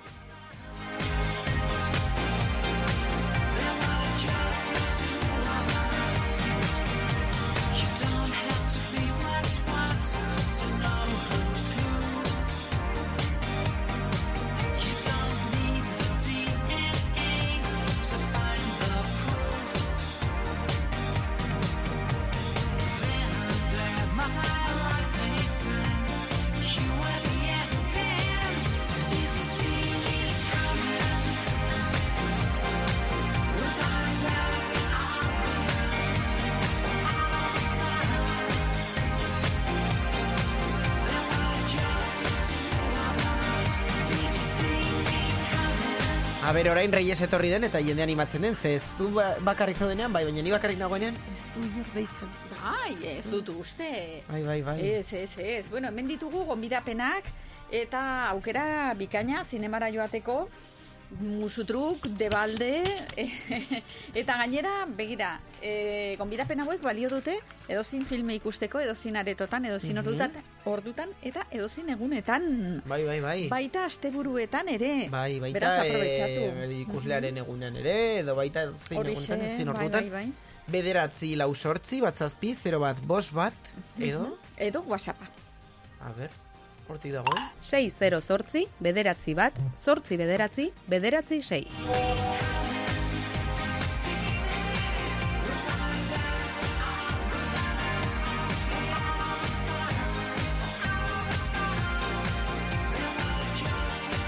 Eta lehenbiziko entzulea dugu hor telefonoz bestaldean arratsaldeon. Arratsaldeon. Nor zara? Una irripodas. Eta zer modu zaude? Oso ongi. Aizu zuia atera zara klasetik gaur, ezta? Bai, Zenbagarren mailan zaude? zeigarren. Oe, lehen hezkuntzako seigarren mailan. Horrek, horrek esan nahi du, helduen urtean institutura joanen zarela. Ez? Bai. Eta, eta nora joanen zara? Zein tokatzen zaizu? Bi urdana. Oso ongi, eta pozik zaude aldaketarekin edo nahiago zenuen eskolan gehiago jarraitu. E, bi urdanara ja. Bai, haun- haundia, haundiekin, eh? Unai, nik pentsa, zuk zein ikusi nahi duzu, eh, Batman? Ez, Ez, ez dakit. ez dakizu, bueno, filme, pelikula pila dago orain, eta estrenatzen ari dira, pelikula pila justo Oskarren atarian bai kaude, laizter Bai. izango dira Oskarrak. Nik ikusi nuen Batman. Bai, eta? Bai, bai, bai, hombre, a ber, eh, ongi, baina izan zen, mm, ba, gatazka horietako bat, ba, bakizu bai, izaten direla batzuk, ez? Hola, ba, eta horietako batean, ja galdu nintzen pixka batean, hain hain beste efektu espezial, Mhm. eta hainbeste gaita, baina, baina oso polita da, eh, ikusgarria. Baina, bueno, hori edo nahi duzuna, eh? Unai, zuk, bakizu, eh, tokatu ezkero, aukeratzen alduzula nahi duzun pelikula ikusteko. Bai. Beraz, unai, ongi dutzen bazaizu, zuretzako lehenbiziko zenbakia. Ados? Vale. Esker, eskerrik asko. Agur, agur. Zuri, agur. Eta beste entzule bat omen dugu, agurtuko dugu, arratsaldeon. Kaixo. Kaixo, Nor zara? Ez dut ongi entzuten, nago kalean eta ez dut ongi entzuten. Bale, venga. Oiak, oiukatuko dugu pixka bat. Nor zara? Nor zara? Bakartxo, bakartxo. Bakartxo. Orain inguruan duzu, dituzun guztiak, eh? Bai, bai da. Oiuka. Vale, vale, bakartxo, zuretzat bi zenbakia. Bai, non zaude Vale. bakartxo, konta iguzu pixka batean. Non zaude? Ba, kaletik oinez entzun dut, ez duela inor deitzen, eta irratia justo biztu da denean, hori esan duzuenez badaitu dut. Oso, oso. Eta somatzen duzu Afrikako hautsa, hor kalean, edo ez? Ez, ez. Ez? Hemen ez kotxe zikinak badaude, Bai, bai, bai, bai. asko, baina ez dut uste Afrikako hautsa denik. Bai, pues orain fijatzen ari nez, gure kristala ere dago, zikin zikina, bai, eta atzo nahiko ongi zegoen, ez? Bai, bueno, bai. pues seguro hori lehautanta eta hautsa horrekin balokatza. E, aizu bakartxo, ba, bigarren zemakia. Ados? Vale, Venga, vale, eskerrik asko, agur. Agur. Eta arantxak idatzi egin digu, arantxarentzat hiru Arantxa, zenbakia. arantxa, Arantxan, arantxa, arantxa. Venga, norbait gehiago animatzen bada, bederatzi lau sortzi, bat zazpi, 0 bat, bos bat, telefono zenbakia, edo whatsappa, audio, edo mezu idatzia. 6 zortzi, bederatzi bat, zortzi bederatzi, bederatzi sei. Josu, ze gomendatzen diazu ikusteko zineman? Batman ni, ikusi baduzu. ni, ni ezagututa, zu psikologo nazarela, zein gomendatuko Ba, begira, zenidake? estreinaldien artean, A veces bueno, esaten eh, Gontzalek aurreko astean komentatu ziguna, eh, osa Gontzalek aurre aste honetan ekarri diguna, A Hero, filmea da horrela pixkate, bueno, en, historio errealista bat ekartzen dizu, eta drama puntu hori dauka, baina ere horrelako birak eta pipa. Eta hori bi, uste duzu niretzako egokia izan Bai, daitekela? bai, bai. Ze, zein, zein pegatzen dit, zein Bueno, izan daiteke egokia? superheroien filmek, filmak gustatzen zizkizula pila bat. Bueno, ez pentsa, eh? heldu den astrean estrenatuko dute Kamera Cafe. Kamera kafe. Bai, bakizu egon zela telesail bat. Baino, zer da, pelikula espainiarra? Bai, eta estrenatuko dute, eta bai, Bai. komedia puntuko, eta ni hori ikusi nahi dut. Bai, ezagir, Gero, animaziozko niri Espainiako komediak, ez Az, gustatzen, honetan bueno. eh, estrenatze dute animaziozko film bat, ere, Los Tipos Malos, eta izango horrela, ba, helduentzako ere txistek egiten dituzten horrelako Ah. marazki ziunak, eh, oske, piat. Gero dagoat, Bai. hor, luzu, daukala kuzu, Kuzu, denantza. ai, ze ona, luzu kuzu. Hori da, soinu jelearen semea estrenatuko dute ere, Ara, pues, hori ona izanen da. astean, Hori ona izanen da. bai? Eta zer... En, eh, Eneko Sagardoi, Frida Palson, Xavier Perunen eta Joseba Paolaza ikusiko ditugu, eta Fernando Bernues. Ara, perurena, perurena da, perurenaren semea, perurena. Amaiak dio zarra dela. Filmea? Filmea? Pues erre eskuratu dute. Eta ekarriko dute ekarri dute. euskaraz, euskaraz, Bai. jatorrizko versioan. Bai, golem Yamaguchi irakarri dute. Mm, oso ongi. Bai, ez du Baina zer, urtekoa, eh, zer, atera zuten pandemia garaian lehenago? Bai, hainbeste, duela lau urte. Uf. Ba, orain berreskuratu dute. Uf. Ez dakigu zergatik. Nik nire arrain memoriarekin, buah, galdutan abil. Bueno, ba, Aizue. Bernardo Txarangarekin, eta... ez dakit norbait gehiagok deituko duen. Eta krupier ordorikarekin. E, Hoixe, banatu ditugu hiru zenbaki, norbait gehiago animatzen baldin bada, ba hoixe hemen bi gonbidapen zinemara joateko golem zinematokietara joateko. Bederatzi lau sortzi, bat zazpi, 0 bat bost bat, edo... WhatsAppa. 6 zortzi, bederatzi bat, zortzi bederatzi, bederatzi sei. Eta ez dakit, e, agian, e, ba, zera, Bernardo Atxagaren liburuen e, filmen adaptazioa egiten ari ote diren golen zinemetan, ze hilabete barru, hau da, pirila maieran ere, karriko dute obaba. Beraz agien izan daiteke, zera, Mhm. e, Bernardo Atxagaren liburuen ziklo bat. Bai, egiten- ah, kaso. Hori zen, ba, ja denbora gutxi gelditzen zaigu. 2003. Eh, 2003. Orduan atera zuten zer? Soinu joleren semea. Soinu joleren semea. Uh. Bai. Ez, obaba. Soinu joleren semea. Baina soinu jolearen semea Geroago. liburu atera zen urte hartan. Bai. Bai, baina filma beranduago aterako zen. 2000 meretzi. Horregatik. 2000 mesortzi, bai, Horregatik. 2000 mesortzi. Horregatik, bai, bai, zekao, ez egin dute atera pelikula liburua baino lehenago. Mhm. Osea, mm, ulertzen ez? Osea, lehenbizi idatzi behar da, gero... Peli. Ama, ja, ja, kirri egiten dira, ja, ma, ei, badugula beste, beste mezu Nor, bat. nor, laugarrena. E, zozketarako Ines naiz. Ines. Hoixe, Ines. Ines, zuretzat, Lau. laugarren zenbakia. Sutan zauri sakon Bai, begira. Oba, obaba, 2000 eta bosgarren urtekoa dela e, dio Inesek. Baina zuzentzaileak zuzendu dio eta jarri dio Obama. Obama, Barack Obama. eta irriz egiten du, bai. horixe, horixe, Obama, Obama 2000 eta bosgarren urtekoa. Horixe, beraz ja lau zenbaki banatu ditugu, zer? Prestatuko ditut papertxoak? Venga, beste mm, norbait animatzen bali badazken minutu, bi minutu Mhm. hauetan deitzera edo idaztera, sartuko da gure zozketa txiki honetan. Hori da. Ain't got no home, ain't got no shoes, ain't got no money. Bi gonbidapen golemetara joateko, e, nahi duzuen filma ikusteko, nahi duzuen aretotan, nahi duzuen egunetan, baina krispetak edo litxarreriak edo dena delakoa zuen kontu. Eh? Zerbait eraman nahi izan ezkio, hoi zuek eraman beharko duzue. Eta, eta bestela... Inautek idatzi baraurik. inautentzat bost, inaut landarentzat. Ara, ba, beste bat, beste bat, eta beste bat. Eneko, eneko, eneko eneko. Ez dakidu, eh, jartzen du eneko, ez du jartzen gure eneko. Jartzen du eneko, besterik gabe. Guazen kuskusiatzera profileko argazkia. A ber, norten, ez dakit. Nik bintzat ez dut ezagutzen. A ber, ez nik esaten nuen Bai. eneko gure kolaboratzaile eta laguna. Eh, Eneko Villegas? Bai. Ah, ez, ez, ez, ez, beste, beste bat da. Eneko gazte bat. Eh, eneko Pues gazte bueno, bueno, bueno. eta eder bat. Primeran, Pues hemen ditugu, ja, eneko, zei. eneko ze, zenbagarren zenbakia? Sei. Seigarren zenbaki eneko zuretzat. Pues, Venga. inoiz baino gehiago, eh? Historiako sarrera zozketa jendetsuen. Bai, jendea gogoz dabil zinemara joateko. zerura eta nahi Oraindik dago Belfast.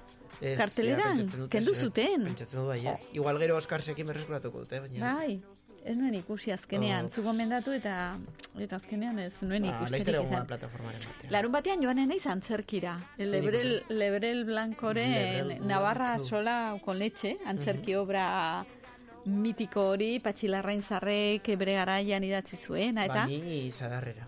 Bai, berriro, berriro egin dute muntaia, garai eh? hartako aktore batzuekin, Jose Maria Sin eta kompainia, eta egin dituzte hiru emanaldi. Ostira, larun bat eta igandean, eta ni Entzuten da larun kluku, batean kluku. naiz. Bai. Hala, venga, mareatuko dituzula papertxoak. Nahi duzun hartu. Venga, hau, ping, hau, zabaldu. bam, bam, bam, bam, bam. Zein da? Arantxa! Arantxa hiru Arantxa. zenbakia. Ba, arantxa, e, nahi duzunean, e, pasa zaitez irrintzi dorretik, e, gu hemen gaude, iratxe monasterioaren berrogeita bost, amairugarren, ezker, hori da, gure elbidea, irrintzi dorrean, eta hemen goiz eta ratxaldez egoten garenez, nahi duzunean etorri, zure itzenean izanen dituzu zain gonbidapenak. Eta guztioi eskerrik asko deitzeagatik, gurekin jolasteagatik. Golem Zinemak Iruñean hiru areto zure zerbitzura. Golem Baiona, Golem Yamaguchi eta Golem Lamorea. Golem Zinemak. Ozen denok, eman bide Euskal Herria irratiare! Euskal Herria irratia. Inkestagile galdetzen badizute, esan ozenki Euskal Herria irratia entzuten dut eta arronago. Egin dezazun bidea.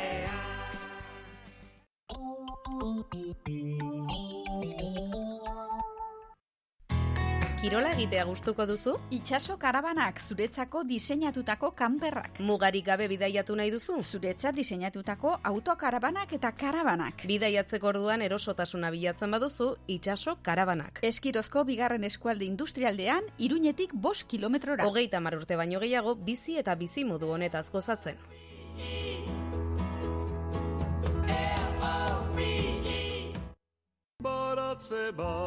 Emakumeen osasunari garrantzi handia ematen diogu ekiaeko dendan garrantzitsua baita barrutik eta kanpotik zaintzea. Higiene intimorako produktu ugari aurkituko dituzu ekiaeko dendan baita aurpegia gorputza eta hilarentzako kosmetiko naturalak ere, eta emakumearen barne oreka zaintzen laguntzen dizuten osagarrietan aukera zabala. Ekia eko denda iturra mauzoa Fuente del Hierro lau. Biltoki Euskaldunon elkartea, martxoaren emeretzian larun bata, Biltokiren txotxeguna astigarragako etxe berria sagardotegian. Irteera amabietan autobusean txantreatik. Informazio gehiago eta izen ematea WhatsAppez 6 bederatzi bederatzi, 6 bat bi, bat bi lau zenbakian. Biltoki Euskaldunon elkartea txantreako eskaba plazan. Nafarroako gobernuaren eta Iruñeko udalaren laguntzarekin.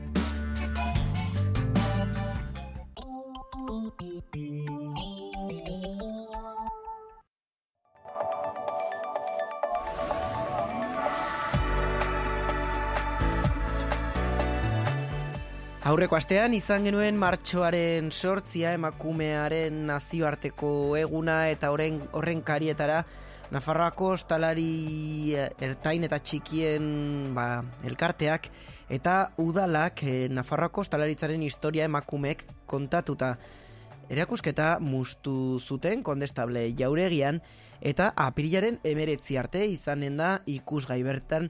Hogeita bost eh, emakume ostalarik eh, haien irudia eskaini dute haien aurpegia eta haien kontakizunak eh, biltzen ditu erakusketa honek eta beno, ba, horretaz mintzatuko gara jarraian erakusketako protagonistakako batekin, hau da, emakume ostalari batekin, Lorea Luzuriaga badiolak eta Izia Luzuriaga badiolak ba, zera, Dona Mariako benta kudeatzen dute, eta gu, gurean, aizea dugu, kaixo aizea? Kaixo, atxaldean. Bai, e, beno, e, zer moduz, e, zer moduz asteko eta erakusketaz galdetuko dizut lehenik, e, zer moduz ikusi zenuen zure aurpegia horre, panel landi erta erraldoi batean? Maria zen oso politia, ez? E, e, profesional batek atera zigun argazkia, e, berak egin zigun lasai egotea, leku atsegina, e, lehenengo ongi sentitu arazi zigun, eta gero argazkia aterizun, eta eri esan oso politia. Neri esperientzia asko gustatu zitzaidan. bai, e, aizea zenbat urte dara mazue, pentsatzen dut, e, abizeneken gainetzen ez bagaituzte e, aizpak zaretela, zenbat urte dara matzazue horre donamariko bentaren agintean? Ba, bueno, e, agintean bi mila amaikan hasi ginen biek elkarrekin bi aizpak sozia eta eta jatetzea guria izan da. Baina egiezan gurasoak e, donostitik heldu ziren, nik amaiko urtekin etorri nintzen donamariko bentara, eta nire aizpa amaseiekin. E, loreak turismo ikasi zuen, nik sukaldaritza ikasi nuen Luis Irizarren donostin, gero pixkoti bilin nintzen hortik barna, e, e, eta bueno, hogeita bos sei urtekin nila donamari finkatu nintzen. bai, e, beno, askotan ez, e, pentsatzen dugunean e, ostalaritzaren kontzeptuan eta ostalariak kalera atera dira, Beno, askotan e, akatsa da eta igual ezarritako, ez, e, sozialki ezarritako irudi bat da, baina askotan e, gizonak etortzen dira burura, emakumeak, kostalariak, e, hogeita bost agertzen zarete zera e, erakusketorretan, baina askoz gehiago zarete, bueno, e, ostalaritza establizimendu bat, e, zuzentzen duzuenak, ezakit, e, bueno, nolakoa den ostalaritza establizimendu bat eramatea? Neri etzait bat ere arraro egin, zeren e, betitik ikusi dutez, nere gurasoak beraiek eramaten zuten, eta eta gero e, guri tokatu zaigu erreleboa jarraitu. Egia esan, e, sukalde gehienetan emakumeak daude, naiz eta ez izan e, batuta eramaten duena, ez? Baina emakumeak beti egondu gara osteleritzan. Egia esan, ba igual gizonak hobe saldu da, hobe prestatu da, baina emakumeak beti egondu gara hor. Igual ez dugu jakin gure burua saltzen eta gure guk guri apreziatzen nahikoa, ez? Baina emakumeak beti egondu gara, bai sukaldetan, bai etxetan, sukaldean gu izan du gara, ez? E, e, sukalde eraman duena. Bai, e, galetu nahiko nizun, e, donamariko bentan zera aurkituko dugu, okerrez banago, beno, badago jatetxe, baina ere e, aterpe hartzeko aukera baitago, ez? Bai, e, bueno, gurasoak hasi ziren jatetxe batekin, gero hotel rural bat e, montatu zuten, eta 2018an aizpaktabiek erabaki ginun jatetxean nahi ginula, eta gero apartamento turistiko bat e, montatu dugu. E, hotelarena e, egia esan, era, e, utzi ginen pixko bat alde batera, zeren iduritzen zitzaigun, e, bietan aukeratu ezkero, bi negozioa gehi bakotxa, bere familia, Mhm. gehi zenarran turnoa, gehi nere zenarra kamionero, nere izan zenarra, iru turno, bueno, e, izan urte batzuk nik uste e, gaztea zara eta egiten duzula, baina erokeri bat izan duzela. Orduan erabaki ginen ez e, garrantzitsuena gehien gustatzen zitzaiguna niri gehien bat e, betetzen ditena sukaldatzea da. Orduan sukalda, sukaldarekin eta jatetxearekin jarraituta e, lotuta bezala, baina apartamentu bat montatu ginen eta hotela, hotela utzi ginen alde batera. Bai, erakusketan aipatzen da, ez? Nola, ba, zuk esan duzuna, ez soilik eh, gestioan, baizik eta emakumeak beti izan direla hor ostalaritzaren ardatz garrantzi, garrantzitsuenetako bat. Bai, eske e, horrela da, ez? E, emakumea beti egon du da e, sukaldean. Nik egia esan, e, donostin ikasten gen- genuen hogeita lau ikasle ginen, hiru emakume eta gainontzeko guzia gizonak ziren. Baina gero, praktikak egiten, e, hilabetero, bi hilabetero aldatzen ziguten jatetxez, eta emakume asko zagon. Egia da, gero, aurpegi ematen zuena edo jabea, Mhm, gehienetan gizona zen. Baina emakumeak bai zeuden, bai. mhm, bai, eta zergatik pentsatzen duzu gertatzen dela hori da, es- esukaldaritza eskolan agian eh, gizon asko egotea eta gero errealitatea beste bat izatea. Ba, egia esan, ez dakit zergatik, em, bueno, emakumea ez da prestatu, ez? Sukaldaritza emakumeak ez du ikasi, igual, e, bai sukaldatu du, e, bai jakindu bere amatxik, bere amak, e, bai jaso du e, bere, bere evoluzioko familian zer ikasi, baina gero ez da prestatu profesionalki. Hori ez dakit zergatik. Bai, Zeren, egia esan, e, e, bi ekiten aldugun lan bada. Mhm, bai.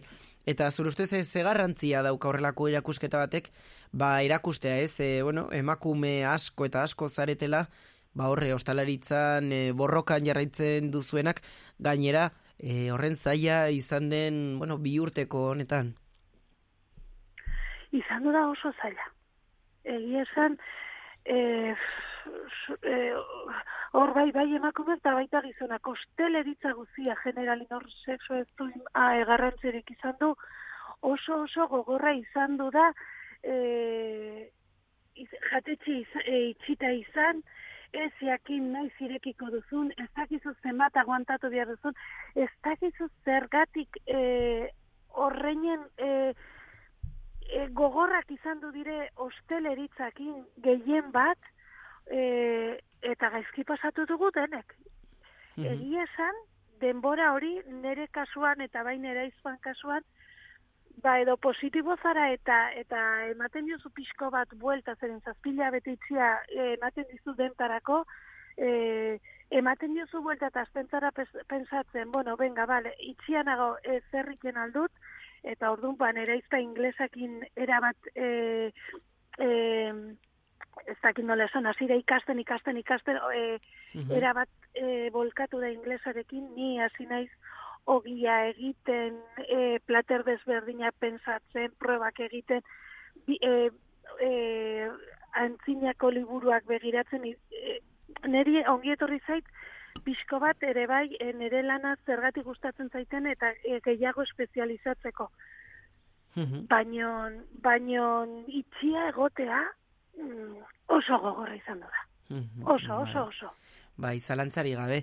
Eta ben orain aro berria ireki da, badirudi ez, aurrera, aurrera goazela, e, zer aurkituko dute bisitariek ordona marigako bentan. ba, bira, jatetxe bat nahiko aldatu da. E, hasi e, ginen, e, gure fatxada guztia arrizko harri zina dago. Hasi Mhm. ginen, harritxo bat margotz, harri bat garbitzen, gero bigarrena, gero fatxada guztia, gero barrenetik, kanpotik, eta ja dena margotua, dena berritxoa zagolik, egin dugu terraza polit bat. Badugu terraza bat ikaragarri politia e, jardin batera joaten dena, erreka batera bainatzen aldira e, ausartak direna, zeren o- ura hotza, oso hotza dator, baina egin diogu, e, ez dakit nola esan, garbiketa bat, e, airetasun bat, e, freskura sartu diogu, oso polita utzi dugu jatetxea. Mhm, bai, eta amaitzeko e, sukaldean zer gomendatu? karta guzia ikina dut, galdera egiten didatzen oso zaila egiten zaizeren. E, ez dut plater bat e, finkoa. Mhm. e, bad, badaude jatetxeak ez, joaten zaila badakitelako zer, e, risotoa oso ona dela, eta Mhm. joaten zara zeren beti dago. Bueno, dona mariko bentan ez da hori pasatzen. Mhm. Dona mariko bentan e, orain dago krujiente bat, baino nigo, e, asko gustatzen bat zaizu igual, e, hemendik hilabetera ez dago, Mhm. e, e, baditut Puente la Reinako pirber batzut oso, oso, oso onak. Baina ez dakit iraungo duten nahi dutena, zeren askoa gustatzen zaigu aldatzea probak itera eta eta donamari etortzen dena ikusiko du kerta bat oso polita eta baliteke hemendik sei hilabetera etortzea. Ez aurkitzea naizun platera, baina beste batzuk eh, arrun onak aurkituko txula, seguro. Mhm, Bai, ba, izea luzuriaga badiola, mila esker Euskal Herria irratiari bakasu egiteagatik eta bueno, kontatzeagatik ere pixkate ezin izan den zuen esperientzia Donamariko bentatik, ba, mila mila esker. Zueri eskerrik asko deitzagatik eta beti izanen gatzu zu hemen. Bai, urbilduko gara, seguro. Agur, agur. Agur, mila esker. Aio. Etxe autosaltokia edo zein da egokia sintonizatu ta dientzun Euskal Herria irratia. Euskal Herria irratia Zure negozioari bultzada eman nahi diozu? Ekitaldi baterako deia zabaldu nahi duzu? Jarri iragarkia zurean, gurean, Euskal Herria irratian. Idatzi, publi, abildua, euskalherriairratia.eus elbidera. Edo deitu bederatzi lau zortzi bat zazpi 0 bat bost bat telefono zenbakira. Publizitatea bertatik bertara.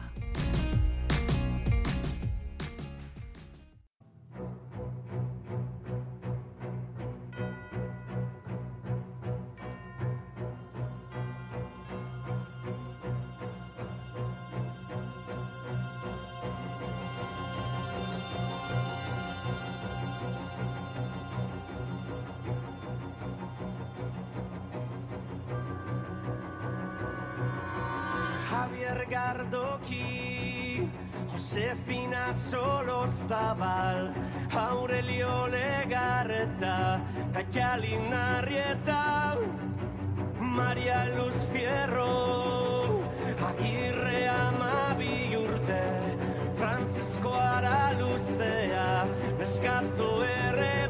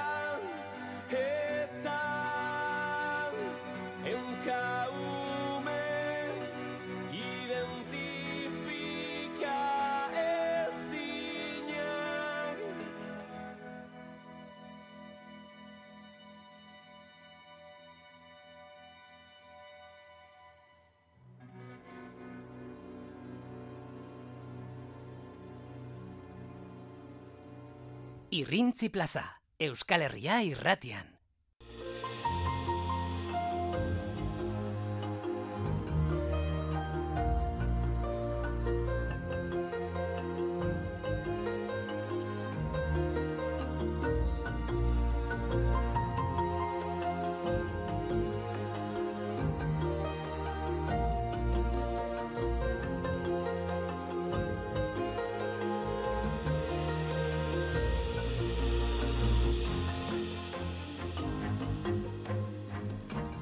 Arratxalde honen zuleok eh, amaika minutu falta dira arratsaldeko seietarako beraz irrintzi plaza gaur amaitzeko eta albistegiari ekingo diogu goiko moduan, baina helenik eta bin azken orduko albiste batekin eta gainera ez da albiste hona reyes. Ba, jala da, bergoita sei urteko langile bat larri zauritu da gaur arroizko garraio enpresa batean izandako lan istripuan.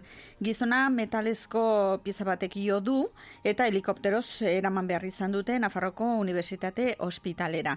Gertaera goizeko bederatziak laurden gutxi aldera gertatu da Transportes Barbarin izeneko enpresan eta Nafarroko gobernuko iturriek jakinarazi dutenez, ba pieza handi batek bizkarrean jo omen dio eta ondorioz konortea galdu du. Zonaldeko mediku taldea, ambulantzia eta foruzainak bertaratu dira eta langileak zituen lesioak zirela eta ba, azkenean helikoptero medikalizatu batean ekarri behar izan dute iruñera, esan dugun bezala xen, Nafarroko Unibertsitate Hospitalera eta ebakuntza egin diote. Mhm, Bueno, baina, ea osatzen Horixe. dene langilea, arroizko langilea, eta eguerdian beste albiste bat izan dugu, gainetik aipatu dutena gure e, kideek izan ere ba, albistegiren erdian iritsi baita. Albistea, Nafarroako Administrazio Auzitegiak Euskal Herriko Armarria eta Arrabiako pilotalekultik kentzeko agindu baitu Nafarroako Administrazio Auzitegiak Atarrabiako pilotalekuan marraztutako Euskal Herriko Armarria. Kentzeko agindu du legelarien legelariak bertan bera utzi dute armarria bertan jartzea eta erabakiaren berri herriko upenek eman du beraiek jarri baitzuten ba, armarri horren aurkako elegitea edo kexa upenek jakinarazi duenez eh, administrazio auzitegiak atarrabiako udalaren argudiori uko egin dio, hau da, Euskal Herria dirazpenak identitate kultural eta linguistiko bati egiten diola erreferentzia eta ez errealitate juridiko edo politiko bati. Ebazpena osatzeko administrazioarekiko hauzien iruñeko lehenengo epaitegiak bandera republikarra jartzeari buruz emandako epai batean oinarritu da. Horrekin bat etorriz auzitegiak honako hau ondoreztatu du gainera. Armarri hori inguratzen duten kultura arrazoiak gora bera, ezin da ukatu ikur politikoa dela eta horregatik armarria jartzeak aipatutako neutraltasun politikoaren printzipioa urratzen du. Horixe, beraz, atarrabiatik e, etorri zaigun notizia. Eta e, albiste beltz gehiagorekin, inun gehiagorekin jarraituko dugu. Garraiolarien greba, hain zuzen ere. Eta hor haien bozina hotxak, eta izan dira gaur hemen iruñan, jaditu ditugunak.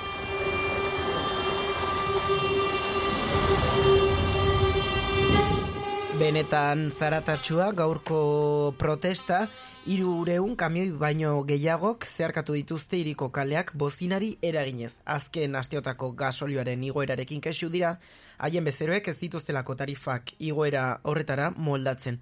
Jon Altuna, iru sindikatuko kideak, azaldu ditu kamiolarien aldarrikapenak. Ba, ga- gasolioa garestitzen ari da, eta ez dakigu topean nunengo dan, horren berrikusi behar dira taldi, eh, tarifak aldiro. Hori ezinbestekoa da, pues, amagostero hilabetero berritu behar dira tarifak. Baita batez ere, ba, Euskal Garraio Sarearen babesa, bestetik faktura bertako... Egoera jasangaintza da hiru Euskal Herriko garraiolari autonomoen sindikatuan ibiltzen diren garraiolari gehienentzat. Asteburuan erabaki zuten lanuzteekin bat egitea gehiengoz. Orain sindikatutik bezeroekin hizketan ari dira tarifen inguruan eta administrazioaren utzikieria kritikatu dute. Eta bai, bueno, ba, hortan nahi geha, eta ikusiko dugu ondorengo gunetan. Ba, bueno, bukatzen bada lan uste, izango da, igual, baldintzak hobetu diralako. Eta. Esan daiteke, jo, ba, betikoa da, baina sektorea oso zarra da, irun ez dago garalori gazterik, eta harrigarria da, esate dute Europan behar diala milaka garalolari, eta ba, dauden langabezitasakin, ba, harrigarria da hori, baina da, ba, bueno, ba, baldintza oso kaskarra daudelako sektorean, eta oso sektore arriskutsua da ez bakarrik errepidean lan egite dutelako, baizik eta ba, bueno, inbertsio handia eskatzen duelako, eta gero ba, lortu behar dituzu bezeroak, eta lan handia. Eta lan kontuekin eh, jarraituko dugu, kritikoa da lab sindikatua eragile ekonomiko eta politikoak ibiltzen dituen eh, kontseiluaren eh, funtzionamenduaren inguruan zarata mediatiko egiteko erabiltzen delakoan. Hala ere, gaur bilera deitu izana positiboa dela uste dute proposamenak egiteko aukera izanen dutelako. Bi norabidetan eh, eginen dituzte ekarpenak. Eta honeta zemintzatu gara gaur hemen Euskal Herria irratian lab sindikatuko Igor Arroiorekin. guretzat bai Ukrainiar errefusiatuentzat, baina baita ere bestelako migrante eta refusiatuentzat ba ateak zabaldu behar dira eta harrera plana egin beharra dago. Iruditzen zaigu ezin dela lehen mailako eta bigarren mailako ba errefusiatuak edo migranteak e, egon eta eta bigarrenik e, gure ustez e, ba, nola, e, indarrean dagoen eredu ekonomiko eta politikoaren inguruko gogoeta bat ere e, ireki beharra dago, ez? Eta pandemiaren eh, hasieran eh, bildu zen eh, azken aldiz eh, kontseilua eta orduan sindikatuaren eh, ekarpenei jaramonik eh, egin ezitzaiela salatu du arroiok eta hori aldatzea espero du. Mhm, Bai, ba, ala, ala da Reyes ez dakit kortea entzuterik dugun, ala, eh, a ber, amaia? sistema publikoa ba, potentea izan da, ez orionez, e, langile onak ditugu, baina egon diren e, privatizazio eta desmantelamendu politiken ondorioz, ba, nahiko ahul heldu ginen pandemiara. Behin pandemia hasita e, hartu ziren behin-behineko neurriak mm, ez nahikoak izan ziren, eta orain pandemia amaitzen denean, ba, behin-behineko neurri horiek bertan bera geratu dira, eta berriro ere ematen du lehen gora bueltatu nahi dutela, ez? Ba, hori da Igor Arroiok izan dako Reyes. Bai. Eta beno, ba, gaur beste kontu bat, e, udal alorrean, Iruñak hiriburutasun eskutitzak galduko du eta horretaz kexu da Navarra suma. Gaur Enrique Maia alkateak mehatxu egin dio txibiteren esekutiboari eta zenbait zerbitzu emateari utzi aldioela adirazi du. ciudadanos de Pamplona tienen que saber que hoy, con sus impuestos, están pagando competencias que son propias del gobierno. Hasta ahora, con el paraguas de la capitalidad, se estaba asumiendo. Sin el paraguas de la capitalidad, tendremos que hablar de otra manera. Yo espero Egun Iruñak gobernuaren zenbait eskumen eta zerbitzu ematen dituela azaldu du maiak baina hiriburutza eskutitzi gabe hauek emateko aurrekonturik ez dela izanen dela adirazi eta berretsi du. diciendo con tus impuestos estás pagando lo que le toca pagar al gobierno. Eso sería absolutamente desleal con nuestros ciudadanos. ¿no? Y luego están las competencias impropias, que son aquellas que si tienes recursos las puedes ejercer. Entonces, como tenemos una evidente pérdida de recursos, tenemos que analizar que Eta gai gehiago izan eh, dugu izpide hemen gure albistegietan. Esate baterako arrotxapeko gaztetxearen inguruko epaiketa. Hala da, gaitz txikiago bat onartu behar izan dute handiago bat saiesteko. Sentsazio horrekin atera dira Nafarroko justizia uzitegitik arrotxapeko gaztetxearen ustutzean atxilotutako sei gazteak.